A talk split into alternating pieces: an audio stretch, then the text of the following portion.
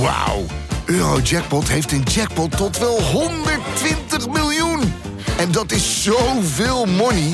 Daarmee kan je een weekendje weg. Met je vrienden. In space. Koop je lot in de winkel of op eurojackpot.nl. Eurojackpot. Een spel van Nederlandse Loterij. Speelbewust 18+. Plus. Zie jij wel wat je doet? Wij zijn een team. Wij zijn gekozen voor onze ideeën. En jij zit voortdurend maar te, nou ja, te. En nu geef je weer een interview over dat. En nu lek je weer over die benoeming dat. Dat ondermijnt dus onze chef, die wij steunen. Want die geeft jou voortdurend weer een derde en een vierde en een zeventiende kans. Je ondermijnt ons. Dit is niet collegiaal. Dat is het beste wapen wat dus een fractievoorzitter heeft. Dat de anderen in die fractie zo iemand aanspreken samen met die coach. Dit is Betrouwbare Bronnen met Jaap Jansen.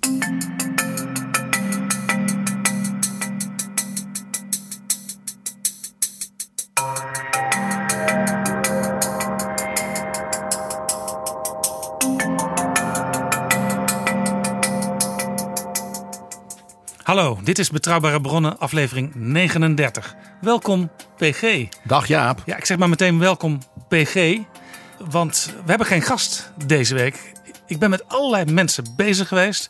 Europese gasten, belangrijk iemand uit de SP, een belangrijk iemand uit GroenLinks. Maar ze hadden allemaal zo hun reden om niet te komen. Uitvluchten bedoel je zeker? En in Europa is natuurlijk ook van alles aan de hand, waardoor het lastig is om even tussendoor tijd vrij te maken. En bovendien, je kunt ook niet al te veel zeggen in deze fase. Het is nu nog heel pril allemaal. Hè? De, de, we, je hebt nu iets, Jaap, uniek. We krijgen voor het eerst een soort kabinetsformatie. Zoals wij in Nederland gewend zijn. Met de Duit, men gebruikt zelfs het woord sonderingsgespräche in Brussel. Na spitsenkandidaat, dus nu sonderingsgespräche. De Europese politiek verduidst. Ja, Donald Tusk, nu nog de voorzitter van de Raad van Regeringsleiders. Die is als een soort formateur nu door Europa aan het reizen. Uh, hij gaat natuurlijk naar het Europees Parlement, maar hij gaat ook naar de hoofdsteden. Want hij moet een opvolger voor zichzelf vinden, maar ook een nieuwe president van de commissie. Een, een Juncker 2. Een nieuwe hoogvertegenwoordiger Buitenlandse Zaken. Een nieuwe Mogherini. En de president van de Europese Centrale Bank is ook aan de orde. En dat is natuurlijk extreem belangrijk. Wie Mario Draghi met zijn brieën en zijn vaste hand kan opvolgen. En Tusk heeft afgesproken met de regeringsleiders dinsdagavond in Brussel dat op 21 juni de kogel door de kerk zal gaan. Dus hij zet druk op de ketel al op de eerste avond. En hij heeft ook een aantal mensen uh, aangewezen in overleg met de belangrijkste politieke families. Ik weet overigens niet hoe het zit met de Groenen, want die waren niet aanwezig bij de regeringsleiders. Die hebben nog geen regeringsleiders. Uh, maar de drie families die daar wel aan tafel zaten, die hebben vertegenwoordigers aangewezen. En Tusk mag dus permanent met die vertegenwoordigers bellen. Dus een soort onderhandelaars, zoals in de Nederlandse kabinetsformatie. Je hebt dus twee fractieonderhandelaars. Ik zal maar eens zeggen uh, uh, Rutte en Zijlstra of Buma en Heerma. Ja. En dan nu Europees. Ja, en de, heel interessant, de Rutte en Zijlstra voor de liberalen in Europa. Die heten niet Rutte en Zijlstra, maar wel Rutte en Michel. De Belgische premier. Ja, de Nederlandse minister-president en de Belgische minister-president. Die mogen dus namens Alde de telefoon opnemen als Tusk op het schermpje verschijnt. En dan is er nog een geheim wapen van deze twee. Ze hebben de sfeermaker, de man die altijd zorgt voor plezierige. Uh, dat men op een leuke manier met elkaar omgaat en een compromis sluit. En dat is Xavier Bettel, de premier van Luxemburg ook een liberaal. Ja. Dus de Benelux zit als het ware formeel en via Battle een beetje informeel achter de knoppen bij de liberalen. Ja, en om het af te maken, eh, ook interessant. Uh, de Sociaaldemocraten uh, die hebben twee hele succesvolle partijen op dit moment in het zuiden. En de leiders daarvan, de Spaanse premier Pedro Sánchez en de Portugese Antonio Costa, die zijn de contactpersonen voor Tusk uh, van de Sociaaldemocraten. Zij moeten dus eigenlijk op dit moment de belangen onder andere van Frans Timmermans verdedigen. Let op wat we hier zien. Die, zeg maar, dat duo woordvoerders van die partijen. Zijn dus mensen met gezag in die partij maar niet van het land van de spitsenkandidaat. Want Pedro Sanchez is van alles. En we hebben de koning van Hispanje geëerd als Nederlanders. Maar hij is niet van Timmermans. Nee, en heel interessant is dus dat hij moet Timmermans proberen hoog te krijgen. Maar hij staat tegenover aan diezelfde tafel uh, Rutte, die landgenoot is, een oud coalitiegenoot, ook regeringsgenoot van Timmermans. En hij zal dus aan Rutte moeten vragen.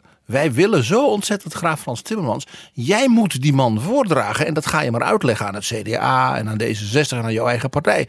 Dat is een hele lastige. Ja, en om het rijtje even af te maken. De Christen-Democraten hebben ook twee uh, vertegenwoordigers En dat is natuurlijk iemand namens, namens Manfred Weber. Dus dat is een Duitser. Ja, dat zou je zeggen. Maar eigenlijk blijkt al een beetje een soort wet te worden. Ook hier uh, zijn we twee mensen aangewezen uit een net iets andere hoek. Uh, namelijk de Letse minister-president. En die heet Christianis Karins. En de Kroatische minister-president Andrei Plenković. Fascinerend. Dus je ziet uit de nieuwe, relatief kleinere leden, lidstaten minister-presidenten zich ook als de nieuwe generatie christendemocratische leiders positioneren. En die hebben daarbij dus de steun en daarmee de autoriteit van bijvoorbeeld Manfred Weber zelf, maar ook van mevrouw Merkel. En dus ook van bijvoorbeeld de christendemocraten in de Benelux. En wat heel interessant is, als je de, de geschiedenis van Europa, zeg maar sinds het verdrag van Rome bekijkt, dan waren er altijd dominante groepen, politieke groepen en dominante landen. En dat wordt op deze manier dus een beetje uh, herverdeeld. In die zin zou je kunnen zeggen uh, dat, dat er meer balans in Europa komt. Je zou ook kunnen zeggen dat dus de Europese politiek als het ware breder wordt. Dat wat men wel zegt, er is geen demos in Europa. Dat is er dus nu blijkbaar wel. Ja. En ja, we noemen dus drie families. Uh, die zijn allemaal families van regeringsleiders. Uh, dan vraag je je af waar blijft het Europees Parlement? Want we hebben natuurlijk ook nog de Groenen, die ook uh, twee spitsenkandidaten hadden. Onze eigen Bas Eickhout en de Duitse Ska Keller. En ik ben benieuwd of hoe vaak Tusk ook al met de Groenen gaat bellen. Want hij praat natuurlijk wel met ze. Zij zijn ook een belangrijke groep in het Europees Parlement. Tusk gaat zonder enige twijfel met mevrouw Keller bellen. Want binnen de Groenen fractie in het Europarlement hebben de Duitsers dankzij een werkelijk eclatante overwinning voor de, die Groenen 20 procent. Uh, ja, een volstrekt dominante positie. Er is geen fractie in het Europees Parlement waar de Duitsers zo machtig zijn als de Groenen. Ja, en Tusk was eigenlijk van plan om al in een soort structureel overleg met de leiders van het Europees Parlement te gaan. Uh, maar dat is nog even uitgesteld, omdat ja, er is een soort uh, padstelling in het Europees Parlement gekomen. De Christen-Democraten die willen natuurlijk Weber voordragen. Want ja, zij zijn de grootste partij geworden opnieuw. En ze zeggen dat hebben we toch afgesproken. De kandidaat van de grootste partij wordt het. Uh, maar je ziet toch bewegingen bij die Sociaaldemocraten samen met de Liberalen en de Groenen. Om te zeggen van ja, dat gaat zomaar niet. Uh, wij hebben met z'n drieën 320 zetels. En die Christen-Democraten hebben maar ongeveer de helft daarvan iets van 180, dus ietsje meer. Maar nou, wat, mag ik hier even de luisteraars een tip geven? Volg één iemand. En die namen die jij noemde. Niet de Letse, de Kroatische is ook hartstikke interessant, want dat is helemaal nieuw. Die Kroatische zit daar natuurlijk ook om die Oost-Europese landen. Denk ook aan ja. Orbán en de zijnen. Als we er beide les te houden. En dus te dwingen constructief mee te blijven doen. De Letten zitten daar natuurlijk voor zeg maar, Scandinavië, de Balten en dergelijke. Hè, ook een beetje ook tegen Poetin, om maar zo te zeggen. Uh, en toch zeg ik, hoe interessant ook, let op heel iemand anders. Op wie moeten we letten? De premier van Portugal. Antonio Want, Costa. Meneer Costa. Want behalve dat hij dus een mooie uitslag had en dus uh, ja, een succes kon vieren, net als zijn Spaanse collega Sanchez. Hij heeft heel nadrukkelijk laten blijken heel veel sympathie te hebben voor, de, voor Macron en zijn pogingen een wat moderner Europa ook met die liberalen te doen. Ja, dat is interessant, want Costa is natuurlijk sociaaldemocraat. Uh, dus zeg maar aan de kant van Timmermans. Uh, maar hij heeft al op een campagnebijeenkomst van de liberalen die samen campagne gingen voeren met Renaissance van Macron een videoboodschap gezonden dat hij alle steun heeft voor dit nieuwe progressieve project. Dat is toch een beetje merkwaardig gezien vanuit zijn sociaal-democratische achtergrond. Maar dit maakt wel dat hij waarschijnlijk meer dan Sanchez, die een echte socialist is, uh, ook naar de belangen van Macron en van dat nieuwe, die nieuwe ontwikkelingen in Europa zal kijken. Wat hier natuurlijk ook speelt, is dat de Portugezen anders dan Spanje altijd een sterk Atlantische, zeg maar op de zee georiënteerde oriëntatie hadden. Dus zich altijd ook met landen als Nederland, als Frankrijk, als Engeland ja, verbonden hebben. En dat grote Spanje in hun nek, net als de Nederlanders met de Duitsers, altijd een beetje ongemakkelijk gevoel. Dus ze zoeken altijd graag steun. En uh, ja, wat hier ook speelt, is dat natuurlijk Portugal, en daarin net als Spanje, en natuurlijk volkomen ja, geen gezaghebbende Italië, natuurlijk toch naar Macron kijkt als leider van de Club Met. Ja, en heel interessant. Uh, dinsdagavond heeft de, de Spaanse premier gezegd: wij willen Frans Timmermans. En Antonio Costa van Portugal heeft dat niet gezegd. Hij heeft wel gezegd: wij willen in elk geval niet Weber. En dat is heel iets anders. Dat is echt heel iets anders. En dat geeft dan, kan het ook, aan, dan kan het zelfs nog Peter Altmaier worden. Ja, maar het geeft wel aan dat Antonio Costa heeft op een bepaalde manier haast. Hij wil dynamiek in het proces. En dat is ook interessant, omdat een aantal regeringsleiders natuurlijk, ja, wat je dan altijd hoort, het cliché, de kaart tegen de borst houden. Onder andere onze eigen Mark Rutte. Want ja, je kunt een klein foutje maken en dan is het belang van jouw land toch minder vertegenwoordigd. Jaap, we gaan het zien. Maar ik denk dat we met deze korte beschouwing ook weer vanuit waar komen die landen historisch vandaan hè, in dit soort dingen. Denk aan Portugal nu. Dat ik zeg, let op die Portugezen. Hè, slim volk. We hadden het niet voor niks uh, heel recent over Mario Soares en zijn vrouw. Slimme mensen met een Europese visie. Meneer Costa kon zomaar wel eens een soort kingmaker blijken. Ja, en toch nog even, want dat vond ik ook nog interessant. Uh, Macron, die heeft ook wat signalen gegeven omdat we toch Macron als een soort ja, beetje middelpunt in die nieuwe dynamiek ook uh, nu zien. Macron heeft gezegd, die nieuwe leider, dus de nieuwe commissiepresident, die moet op het hoogste niveau ervaring hebben. Dat moet of regeringservaring zijn of commissieervaring. Ja, en dat is dus niet Weber, want die heeft in beide niet gezeten. Dit, nooit is, dit is een hele sluwe manier om Manfred Weber als het ware buiten de orde te verklaren. En dat betekent dus dat als de Duitsers, mevrouw Merkel, hem toch wil, dat zij dan een prijs moet betalen aan Frankrijk. Hè? Want zo gaat dat spel. Ja. Je maakt dus de prijs voor een ander hoger. Om uiteindelijk aan het eind er zelf meer uit te halen. Ja, en ja, dan hou ik erover op. Maar Macron zei nog twee dingen. Uh, hij noemde zelfs namen. Uh, en het opvallende was, hij noemde uh, Timmermans, hij noemde Vestager, hij noemde Barnier. En hij noemde dus één naam niet, dat was Weber. En helemaal tot slot bij het afscheid dinsdagavond, toen hij zijn uh, auto instapte, noemde die nog een extra criterium erbij. De nieuwe leider moet ook charismatisch zijn. Dit is echt, ik kan hier zo van genieten. Dit is natuurlijk een Franse president in optima forma. Uh, Charles de Gaulle had het hem bijna niet kunnen verbeteren. Want wat doet hij dus? Hij noemt mevrouw Verstager. Natuurlijk noemt hij die. Want hij is van een soort liberaal. Ja, hij is familie inmiddels van, ja. uh, van mevrouw Versteger. Ja. Hij noemt Timmermans omdat hij de club met hè, nodig heeft. Nodig heeft. En hij noemt een Fransman. Die helemaal geen kandidaat is officieel. Die geen kandidaat is. Die geen spitsenkandidaat is. Die een christendemocraat is. Die hij dus eigenlijk uh, zou moeten helpen blokkeren. Maar ja, hij is wel Frans. En hij heeft dus precies de criteria die Macron dus noemt. Ervaring op het allerhoogste niveau. Nou, je kunt een hoop zeggen van Michel Barnier. Maar je kunt niet zeggen, de man heeft geen ervaring.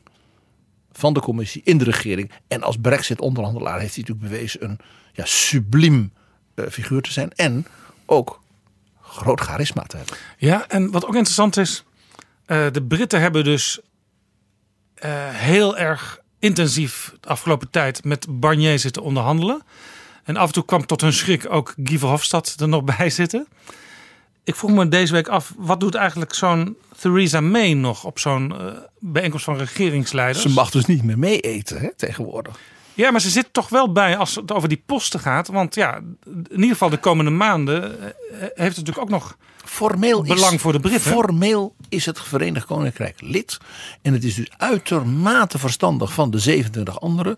Dus daar niet te zeggen, nou ja, maar eigenlijk mag je niet meer meedoen. Kijk, bij het diner, als het gaat om de informele dingen voor de periode na Brexit, ja, dan eet ze dus niet meer mee. Maar op dit soort momenten wordt Engeland dus als een volwaardig en gerespecteerd lid behandeld, zodat ze nooit kunnen zeggen: jullie hebben ons er eigenlijk op een onaardige manier onsympathiek uitgesmeten. Nee, de Britten hebben eigenlijk twee belangen nu als het gaat om de posten. Ze willen natuurlijk dat de Brexit uiteindelijk dan toch op zijn pootjes terechtkomt. Dus ze willen graag uh, iemand aan de leiding die daar een beetje begrip en die daar een beetje easygoing mee omgaat. En belang bij heeft, bijvoorbeeld voor zijn land of haar land, dat dat dus wel goed gaat. Ja, en puntje twee daaraan gekoppeld, uh, als de Brexit eenmaal daar is, een goede uh, toekomstige relatie tussen Europa en de en Britten. En dus erg voor vrijhandel is en niet een Zuid-Europese etatist. Dus ik had ook deze week, ik vroeg eens aan mijn Londense contacten van, ja, wat, wat, wat voor type zou daar dan bij passen? Nou ja, iemand die, kijk, het zal sowieso niet makkelijk worden voor ons, dat zijn we ons zeer bewust, uh, zeggen ze in Londen. Uh, maar iemand die ons begrijpt, dat is al heel wat. En toen vroeg ik, ja, wie zou daar eigenlijk aan het profiel het beste voldoen? Ja, en toen was eigenlijk zonder aarzelen, werd er één naam genoemd. Mark Rutte. Ja. Dus in ieder geval, hoe het ook uit gaat pakken. En of hij nou wel of niet kandidaat is, of hij nou wel of niet zelf wil. Hij heeft al één steun in die raad van regeringsleiders. En dat is Theresa May. Ja, je zou ook kunnen zeggen the kiss of death. PG, we zijn nu bijna twintig minuten bezig met de inleiding van ons gesprek. Over Europa. Want ik was nog eigenlijk aan het uitleggen uh, wat we gingen doen. Ja, we hebben het al een beetje over Europa. Daar gaan we het ook nog wat uitgebreider over hebben. We gaan naar de uitslag in de diepte en in de breedte kijken. En dan hopen we nog een aantal dingen uh, inzichten te geven. Die nog niet in alle media al uh, besproken zijn. Ik heb, dan, ik heb een paar cijfers, we... ook uit landen, die, om dat eens naast elkaar te leggen, met soms echt, Jaap, hele diepe historische en cultuurhistorische patronen die dus nu zichtbaar worden. En dan gaan we straks in de tweede helft van ons gesprek, in de tweede helft van deze betrouwbare bronnen, aflevering 39, nog naar een binnenlands onderwerp. En de aanleiding voor dat deel van ons gesprek zal zijn het vertrek deze week van uh, GroenLinks-Kamerlid Zini Usdeel uit zijn fractie en uit de Tweede Kamer. En daar ga ik proberen, zeg maar, een aantal politiek historische wetmatigheden ja, te, te, te, te, formuleren rondom dit type zeg maar, HRM-crisis in fracties. En wat gebeurt er dan in Den Haag? En wat gebeurt er niet? En wat had men kunnen doen gebeuren? En wat vergeet men nog wel eens? Dat soort dingen. Dat straks.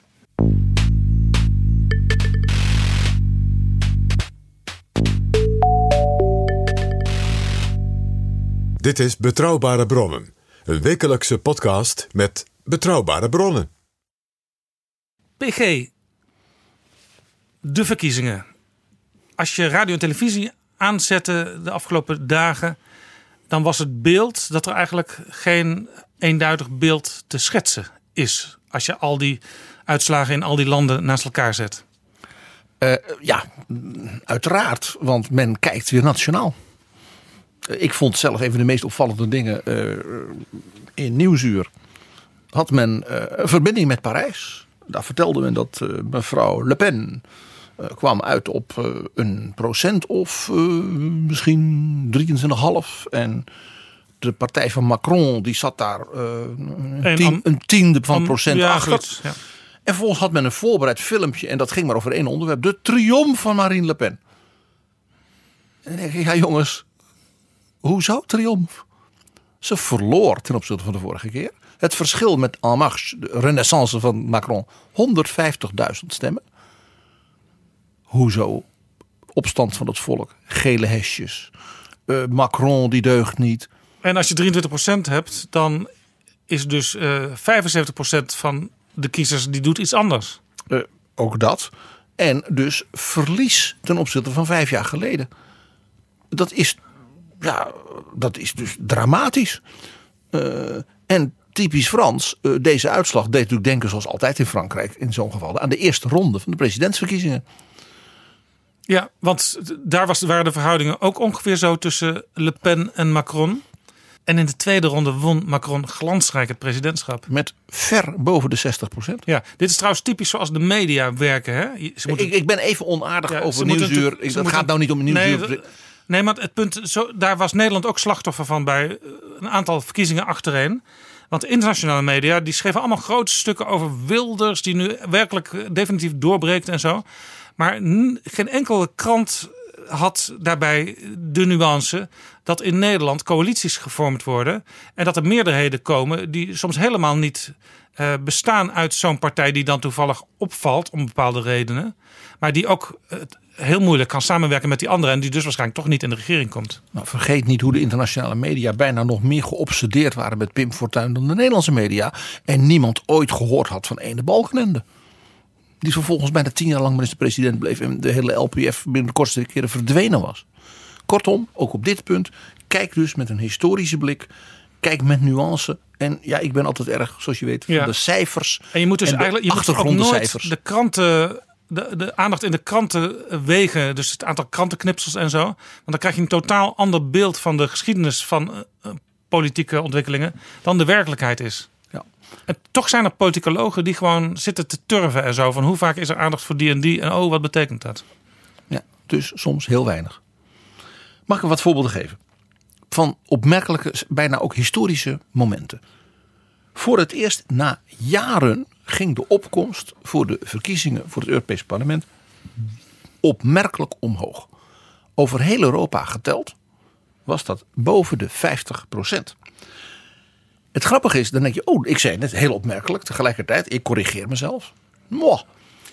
Wij zien in heel Europa een patroon al een flink aantal jaren dat ook bij minder spannende regionale verkiezingen en zeker bij de nationale verkiezingen, ook in Nederland, de opkomst elke keer flink omhoog gaat. Ja, en het interessante is dus dat het ook eigenlijk maakt niet uit in welk land. Overal zie je die trapsgewijze verhoging. Bijna overal, soms een klein beetje, omdat het bijvoorbeeld zo'n Europese verkiezing dan samenvalt met een niet zo heel spannende bijvoorbeeld regionale verkiezing. Dat speelde in Italië. Maar dan nog gaat de opkomst in Italië een half procent omlaag. Van 54 naar 53,5. Wat dus nog altijd boven dat gemiddelde van 50,5 procent is in Italië. Nou goed, je ziet dus, er is een soort onderstroom in Europa van we gaan naar de stembus. Ja. Hoezo blasé? Hoezo, ach het is allemaal niks. Wat dus vaak wordt geroepen. En er zijn twee aanjagers van dat proces. Ten eerste, we moeten ze toch met ere noemen, de oudere kiezer. De oudere kiezer in Europa is buitengewoon loyaal aan de democratische betrokkenheid. Die Ja. blijven komen ongeacht. Het is ook niet zo van naarmate de vergrijzing. Ach ja, de ouderen hebben het goed. En ach, het, nee, die blijven in zeer hoge aantallen en percentages dus komen. Ja, dus er komen ook meer ouderen. Dus je, misschien leidt dat in zichzelf al tot een hogere opkomst. Nou, dus ze leven langer. Ja. Want als je eh, voldoet aan het patroon waar ouderen eh, aan voldoen, dan Ja. kom je sneller op. Ja. En dus die partijen die als het ware bijna kunnen rekenen op een soort vast geheel van oudere kiezers. Beste voorbeeld in Nederland, de Partij van de Arbeid. Die profiteren daarvan. Laten we er nu omheen draaien met alle eh, compliment voor Frans Timmermans. De Partij van de Arbeid won de verkiezingen door de mensen boven de 60. Daaronder was het gewoon net als bij vorige verkiezingen voor de PvdA pet. Hoogst interessant, dus de oudere kiezer, die zei die Frans Timmermans, dat is een safe pair of hands. Hij heeft wel, het is wel een soort idealistische uitstraling heeft hij. En eh, we kennen hem. En nou ja, we, we, lenen, we hem onze Europese portemonnee uit. En dat zijn waarschijnlijk ook mensen die in hun leven ooit al eerder eh, Partij van de Arbeid hebben gestemd. En misschien wel eens ook op een andere partij. Dat ze teleurgesteld waren in een Wim Kok of in een Wouter Bos. Maar blijkbaar zoiets hadden van dat Europa vind ik toch wel belangrijk. Want dat is het ook. En die vent weet wel waar hij het over heeft. Interessant fenomeen. Tweede fenomeen. Het zijn de jongere kiezers waarvan iedereen roept ja maar die komen niet. Inderdaad dat kan altijd beter. Maar de hoger opgeleide jongeren jongeren, dus ook, denk ook aan de scholieren die voor het klimaat staken. Die mogen dan voorzien nog niet allemaal stemmen. Maar dat zijn dus zeer bewust actieve jongeren die studeren, die wat van hun leven maken. En het grappige was, toen dacht ik, dit effect dat is wat Kim Putters in zijn gesprek met ons zei. En zijn analyse van, ik word eigenlijk wel een beetje opgetogen van dat engagement van jongeren. Dat idee van die willen niks en zijn blasé en hedonistisch en eh, consumentistisch. Eh, Ze genieten van, van, van, van hun leven en van deze tijd. En dat wordt dus door de opkomstcijfers gestaafd. Als je kijkt naar bijvoorbeeld de uitslagen, waar we het straks ook nog over gaan hebben, in de grote steden in Europa, onmiskenbaar dat de jongeren er echt bovenop zitten. Dat is een interessant fenomeen. En het nog een, wat ik zelf een van de mooiste fenomenen vond van deze verkiezing, dat is misschien raar, de expat-kiezers. Dat zijn dus Europeanen die in een ander land wonen en werken. En die mogen dus stemmen voor het Europees Parlement in het land van herkomst. En daar hebben we dus twee hele interessante momenten gezien. eh, afgelopen zondag en op de donderdag 23 mei. En dat betrof hetzelfde land, Roemenië. Daar was de opkomst de vorige keer ook door veel gedoe in de nationale politiek, corruptie en veel ellende, zeer, zeer laag. Dit keer zijn de Roemenen echt ongelooflijk opgekomen. Ik geloof de stijging van opkomst was van 22 naar 48, 49 procent. Dus dat is een, nou ja, een game changer voor een jonge nieuwe democratie. Ja, zelfs in Brussel stonden ze in de rij Daar wou ik, dat wou ik precies vertellen. Ja, bij, bij het consulaat en de ambassade. En, de stembureaus op de ambassade. Ja. En de mensen stonden bij duizenden in dus de avenue. Eh, in zeg maar, het diplomatieke deel van Brussel. om te wachten dat ze mochten stemmen. En eh, de, nou, toen, ja, op een bepaald moment waren, moesten die ambtenaren gewoon naar huis. En toen hebben ze gezegd. Ja, en toen hebben ze dus, is de ambassade overgebleven. En ik, als je nagaat, deze mensen zijn dus opgegroeid, veel van hen, in de tijd van Nicolae Ceausescu. De, de, de, allerverschrikkelijkste eh, eh, dictators in het Europa van de voorbije 50 jaar. Ja, met, eh, met die vreselijke vrouw er nog bij. Oh, die Elena, ja, die al die gouden, alle, alle gouden kranen in het Elysée van president Giscard meenam naar huis. Ja, die. Nou, En hetzelfde, hetzelfde beeld in Den Haag, ook bij de, bij de Roemeense ja, ambassade. ja, in Den Haag, dat was ook heel leuk. De Haagse politie, dat zijn over het algemeen hele goedmoedige eh, agenten. Eh, de Haagse politie moest komen om rust en orde te bewaren rond de Roemeense ambassade. Want daar, dreigde ook, de- zeg maar, hè, zo'n kwart voor vijf. Nou, we gaan zo langzamerhand naar huis. En daar stonden nog honderden Roemenen.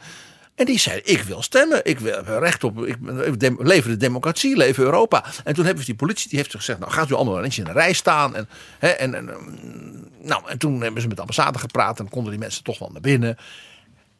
Ja, Ik word, ik word hier dus gewoon een beetje Ja. blij van, Jaap. En ik kan me ook wel voorstellen dat Roemeense kiezers graag wilden stemmen. Want daar is ook wel iets aan de hand in dat land. Hè. De, de Sociaaldemocraten hebben de premier. Maar die premier heeft zich weer gedistanceerd van de kandidatuur van Frans Timmermans. Ja, en nou die, die partij, dat is een, een, een pool van verderf en corruptie. Eh, dat is zeg maar de, de, de, de Orban van de rooien, zal ik maar zeggen. Eh, tegelijkertijd, het is even een klein dingetje, mag wel even. Eh, de Roemenen hebben dus een president van het land, Klaus Johannis, je hoort het al. Die is van de Duitsstalige minderheid in Siebenburgen. Het oude de Siebenburgen, dat is zo'n gebied in de bergen. eh, zeg maar in, de, in het westen van eh, Roemenië. Wat dus altijd ook door Oostenrijk-Hongarije lang geregeerd is, door de keizer. En die man is dus een tijdje geleden tot president gekozen. En alle peilingen gaven aan dat de kandidaat van de regeringspartij, van de Sociaaldemocraten, had ook een hoop beloften gedaan, hè, mensen omgekocht. Nee, die zou winnen. En, eh, en toen, nou, de, de Roemenen gingen naar de stembus. En er werd geteld. En tot ieders verbijstering won meneer Johannis met een aanzienlijke meerderheid. Roemenen had dus tegen de, tegen de, Maurice de Honds van Boekarest gezegd: ja, we stemmen tuurlijk, we stemmen op. En die hebben allemaal in het stembokje gezegd: nou, die Duitser, die is op de penning, die is eerlijk, dat is een professor. eh, we nemen hem maar. Dat is dus blijkbaar in, op al die, aan al die keukentafels op die zaterdagavond in Roemenië is dat rondgegaan. Fascinerend Ja, Roemenië proces. blijft dus interessant ook de komende tijd om goed te volgen. Vanuit het Europese perspectief ook. Zeker. En, en dus dit enthousiasme van de Roemenen voor democratie en samen in Europa doen, daar word ik dus een beetje blij van. Ja. Nederland eh, had vaak een opkomst eh, steeds om de vijf jaar van zo'n 37 procent. Dat is nu ook eh, boven de 40 procent. Maar in heel Europa dus het gemiddelde rond de 50. En dat is gewoon wel een heel interessant getal. Hè? Nou ja, wel grappig. Eh, jij weet misschien nog, we hadden zeer recent de midterm elections voor Huis en Senaat in de Verenigde Staten. Weken ook bij ons eh, natuurlijk geweldige tv-programma's. En Pito O'Rourke en Nancy Pelosi. En, en een beetje on, Ja, onaardig gezegd. meer aandacht daarvoor dan voor de Europese verkiezingen. Ja, dat is altijd het gekke natuurlijk. Als je hoeft de tv maar aan te zetten, ook de Nederlandse tv. En je ziet weer Amerika, de Amerikaanse politiek.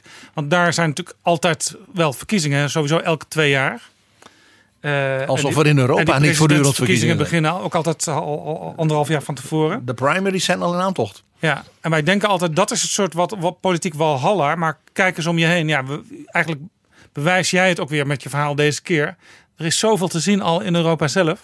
En als ik je nou vertel dat die midterms werden gevierd, ook in de media, als een triomf van de democratie en de opkomst. Weet je nog, eh, de democraten hebben hun achterban gemobiliseerd en Trump. En de opkomst ging, en dat is inderdaad indrukwekkend, van 37% naar 49%.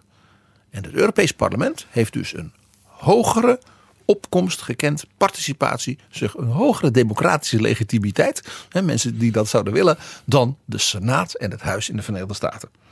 En dat is toch wel grappig. Ja, dit mag echt onderstreept worden, vind ik. Want dan, eh, laten we ophouden met dat praten over... eh, wat stelt het allemaal voor, die Europese verkiezingen? Daar is toch niemand in geïnteresseerd? Het is hartstikke belangrijk.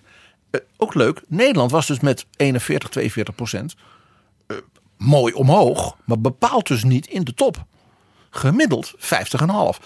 Dat zat in een aantal, met name ook grote landen, dus met veel kiezers. Als ik je nou vertel dat eh, in Duitsland de deelname ging van 48 naar 61 procent.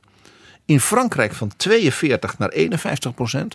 En een van de grote klappers was Spanje. Waar, de, waar men eh, bijna, geloof ik, 25, 30 procent omhoog ging. Tot ver in de 60 procent. Kortom, ook in die grote, zeg maar, klassieke landen. die al heel lang Europa domineren. Frankrijk, Duitsland. is men bepaald dus niet uitgekeken of blasé. Integendeel. Nee, en Heel leuk. Spanje zou je ook kunnen zeggen, ze hebben net landelijke verkiezingen gehad en nu alweer nieuwe verkiezingen. Meestal leidt dat tot wat lagere opkomst, maar men is nog steeds enthousiast daar. En dat zag je dus in heel veel ook Oost-Europese landen. Eh, bijvoorbeeld ook in Polen ging de opkomst enorm omhoog. Men, had echt het gevoel, het gaat om het echi, om het maar even zo te zeggen. Ja. Hoe zat, Zelfs- hoe, zat dat, hoe zat dat trouwens bij de Britten? Want de Britten eh, die hadden eigenlijk geen reden meer, zou je kunnen zeggen, om te gaan stemmen. Boris Johnson en anderen die zijn toch van plan om op 31 oktober definitief tabé te zeggen tegen de Europese Unie. En ze, hebben, ze zitten daar te wachten op een nieuwe premier. En, eh, nou, de, de opkomst bij de Britten was dan ook eh, de vorige keer, eh, vijf jaar geleden. eh, er was nog geen referendum en dit en dat en mopper mopper. 35% was het toen. 35 procent. En nu 37 procent. Dus toch omhoog. omhoog. Dus je ziet hier een proces in heel Europa. Wat ik al zei, die- fascinerend. een soort Fascinerend. Europese demos die aan het groeien is. Ja. Zonder dat we het beseffen, hebben we toch dezelfde golfbewegingen in, in al die Europese landen afzonderlijk. Ik ga er daar nog een paar van laten zien. En zoals je mag verwachten eh, in- onze rubriek, met dus een sterk ook accent op de historische wortels, dat dat dus geen vanzelfsprekende processen zijn. Of toevallige dingen, eh, eh, de media doen iets. Nee, dat zijn dieperliggende processen. Zoals ik zei, met die ouderen, met dus die bewuste jongeren, conform Kim Putters. Heel interessant. Zullen we eerst even nog naar Nederland kijken? Ook naar de historie van de opkomst hier. Ja, Nederland is natuurlijk al in de media veel naar gekeken. Natuurlijk ook logisch, want wij zijn het eh, kiesdistrict Nederland, zou je kunnen zeggen. Dus daar kijk je als eerste naar. En toch. Eh, nergens in Nederland werd zo weinig gestemd voor Europa als in West-Brabant. Een regio die men ook vaak wat over het hoofd ziet.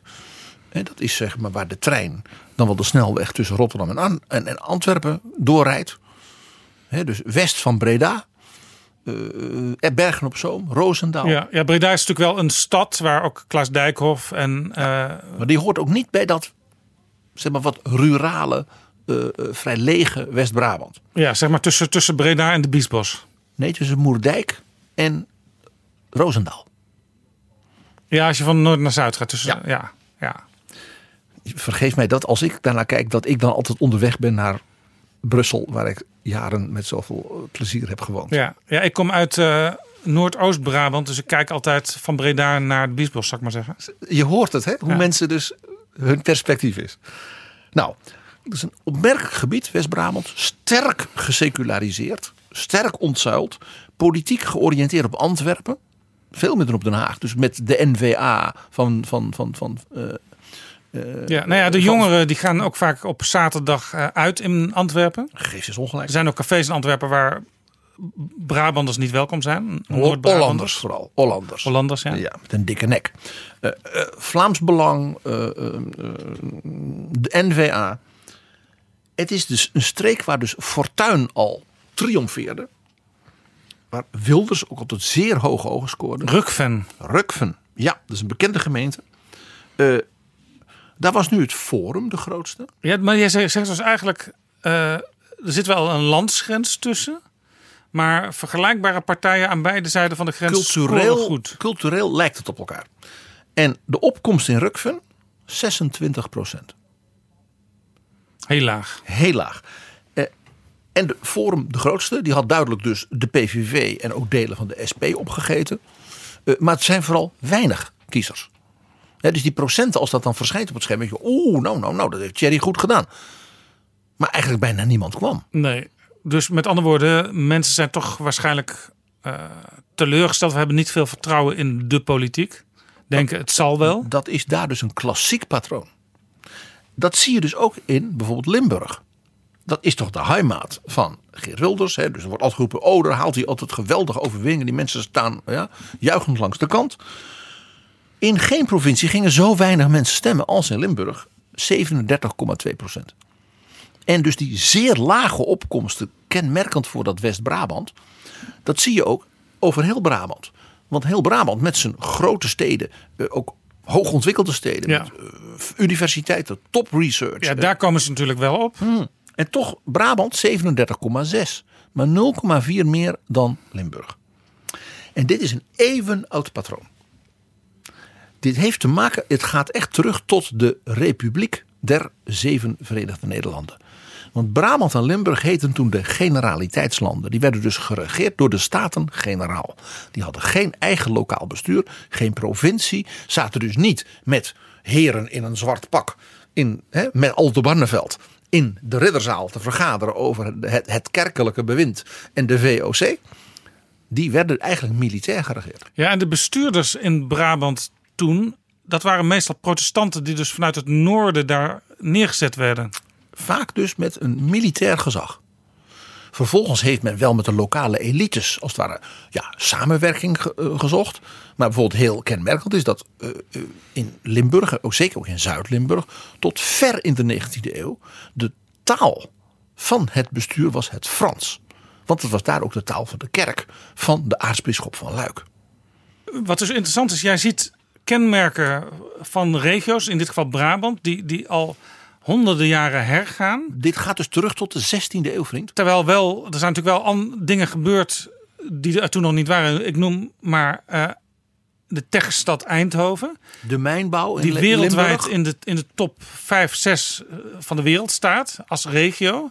Eh, ASML in Veldhoven. wereldtop. Dat was er allemaal 200 jaar geleden nog niet. De elektrische auto's van professor Steinbrug. OS met zijn eh, topchemie. Eh, eh, cybersecurity samenwerking. Ja, en De- toch, en in toch bepaalde Bosch. kenmerken die zijn eeuwenoud. En die zijn nog steeds aan de orde. bij elke verkiezing en weer. merk je dus. In het katholieke zuiden ging men dus beduidend minder actief. Mocht men meedoen. En daarna ging men meedoen. De Rooms-Katholieke Staatspartij. De- en de- na de oorlog de KVP. Die haalden dus in Brabant en Limburg 80, 90 procent van de stemmen. Ja, wat ik ook altijd heel interessant vond als ik een beetje in de historie van Brabantse dorpen ging vroeten. eh, dan had zo'n gemeenteraad had bijvoorbeeld 13 fracties of zo. Maar dat bleek eigenlijk op landelijk niveau, kun je die allemaal vertalen naar wat nu het CDA is. En in die tijd had je nog stemplicht in Nederland tot 1971. Eh, Dus wat er dan gebeurde was dat men gewoon met z'n allen. En men stemde dan gewoon op die KVP'er. En bij voorkeur als er nog iemand uit hun regio was of iets dergelijks. En die zat daar dus ook voor. Nou, eh, Den Bosch. Ja, Dat was eigenlijk Ja. bijna Britsachtige kiesdistricten. Eh, dus Brabant en Limburg, het klinkt raar als gezegd, leken in dat opzicht meer op de kiesdistricten in Engeland, zeg maar de gedeeltes bijvoorbeeld in Kent, waar iedereen alle, altijd alleen maar Tory wint, of in het noorden rond Newcastle en, en dingen, waar dus Labour gewoon altijd alles wint. En dat had je in Nederland dus eigenlijk in het zuiden. Waarbij dus die mensen ook bijna voor dat kiesdistrict lagen. Ja, en dit maakt het dan ook in de jaren 70 en 80 ook makkelijker voor Brabantse kiezers om over te stappen naar bijvoorbeeld de Partij van de Arbeid of de VVD. Zolang ze maar het idee hadden, dat is er een van ons. Ja, dat speelt dus een grote rol. Plus dat dus toen die stemplicht er niet meer was en de ontzuiling, de ontkerkelijking dus hard toesloeg, zal ik maar zeggen. De thuisblijfgolf dan ook in het zuiden, hè, zie de cijfers die ik net noemde, vele malen groter was dan boven de rivier, Ja. om te zeggen, waar men een patroon Want had die dwang vanuit de kerk was er en niet de meer overheid. om te gaan stemmen. En boven de rivieren was dus die traditie ook van al die minderheden. Hè, die met elkaar samen moesten regeren. Het polderen. Waardoor je, je moet wel gaan. Hè, want je moet je club een beetje helpen. En in het zuiden had je niet al die minderheden. Nee, wat je Er overigens, was er maar één. wat je overigens in, in Vlaanderen natuurlijk nu ook heel erg ziet. Hè. Je hebt de NVA als verreweg de grootste partij. En nu ook weer het Vlaams Belang wat opnieuw opkomt. Ja, die mensen stemmen natuurlijk vroeger op een van de traditionele partijfamilies. Zeker. En in België is die stemplicht nog wel.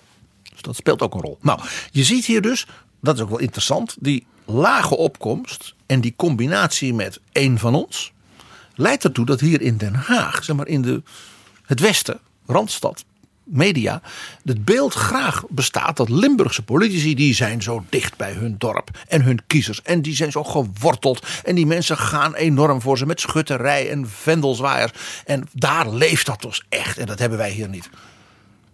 En dan moet ik altijd een beetje glimlachen. Ik weet dat ik sommige mensen in het CDA hier niet blij mee maak. Het is een mythe.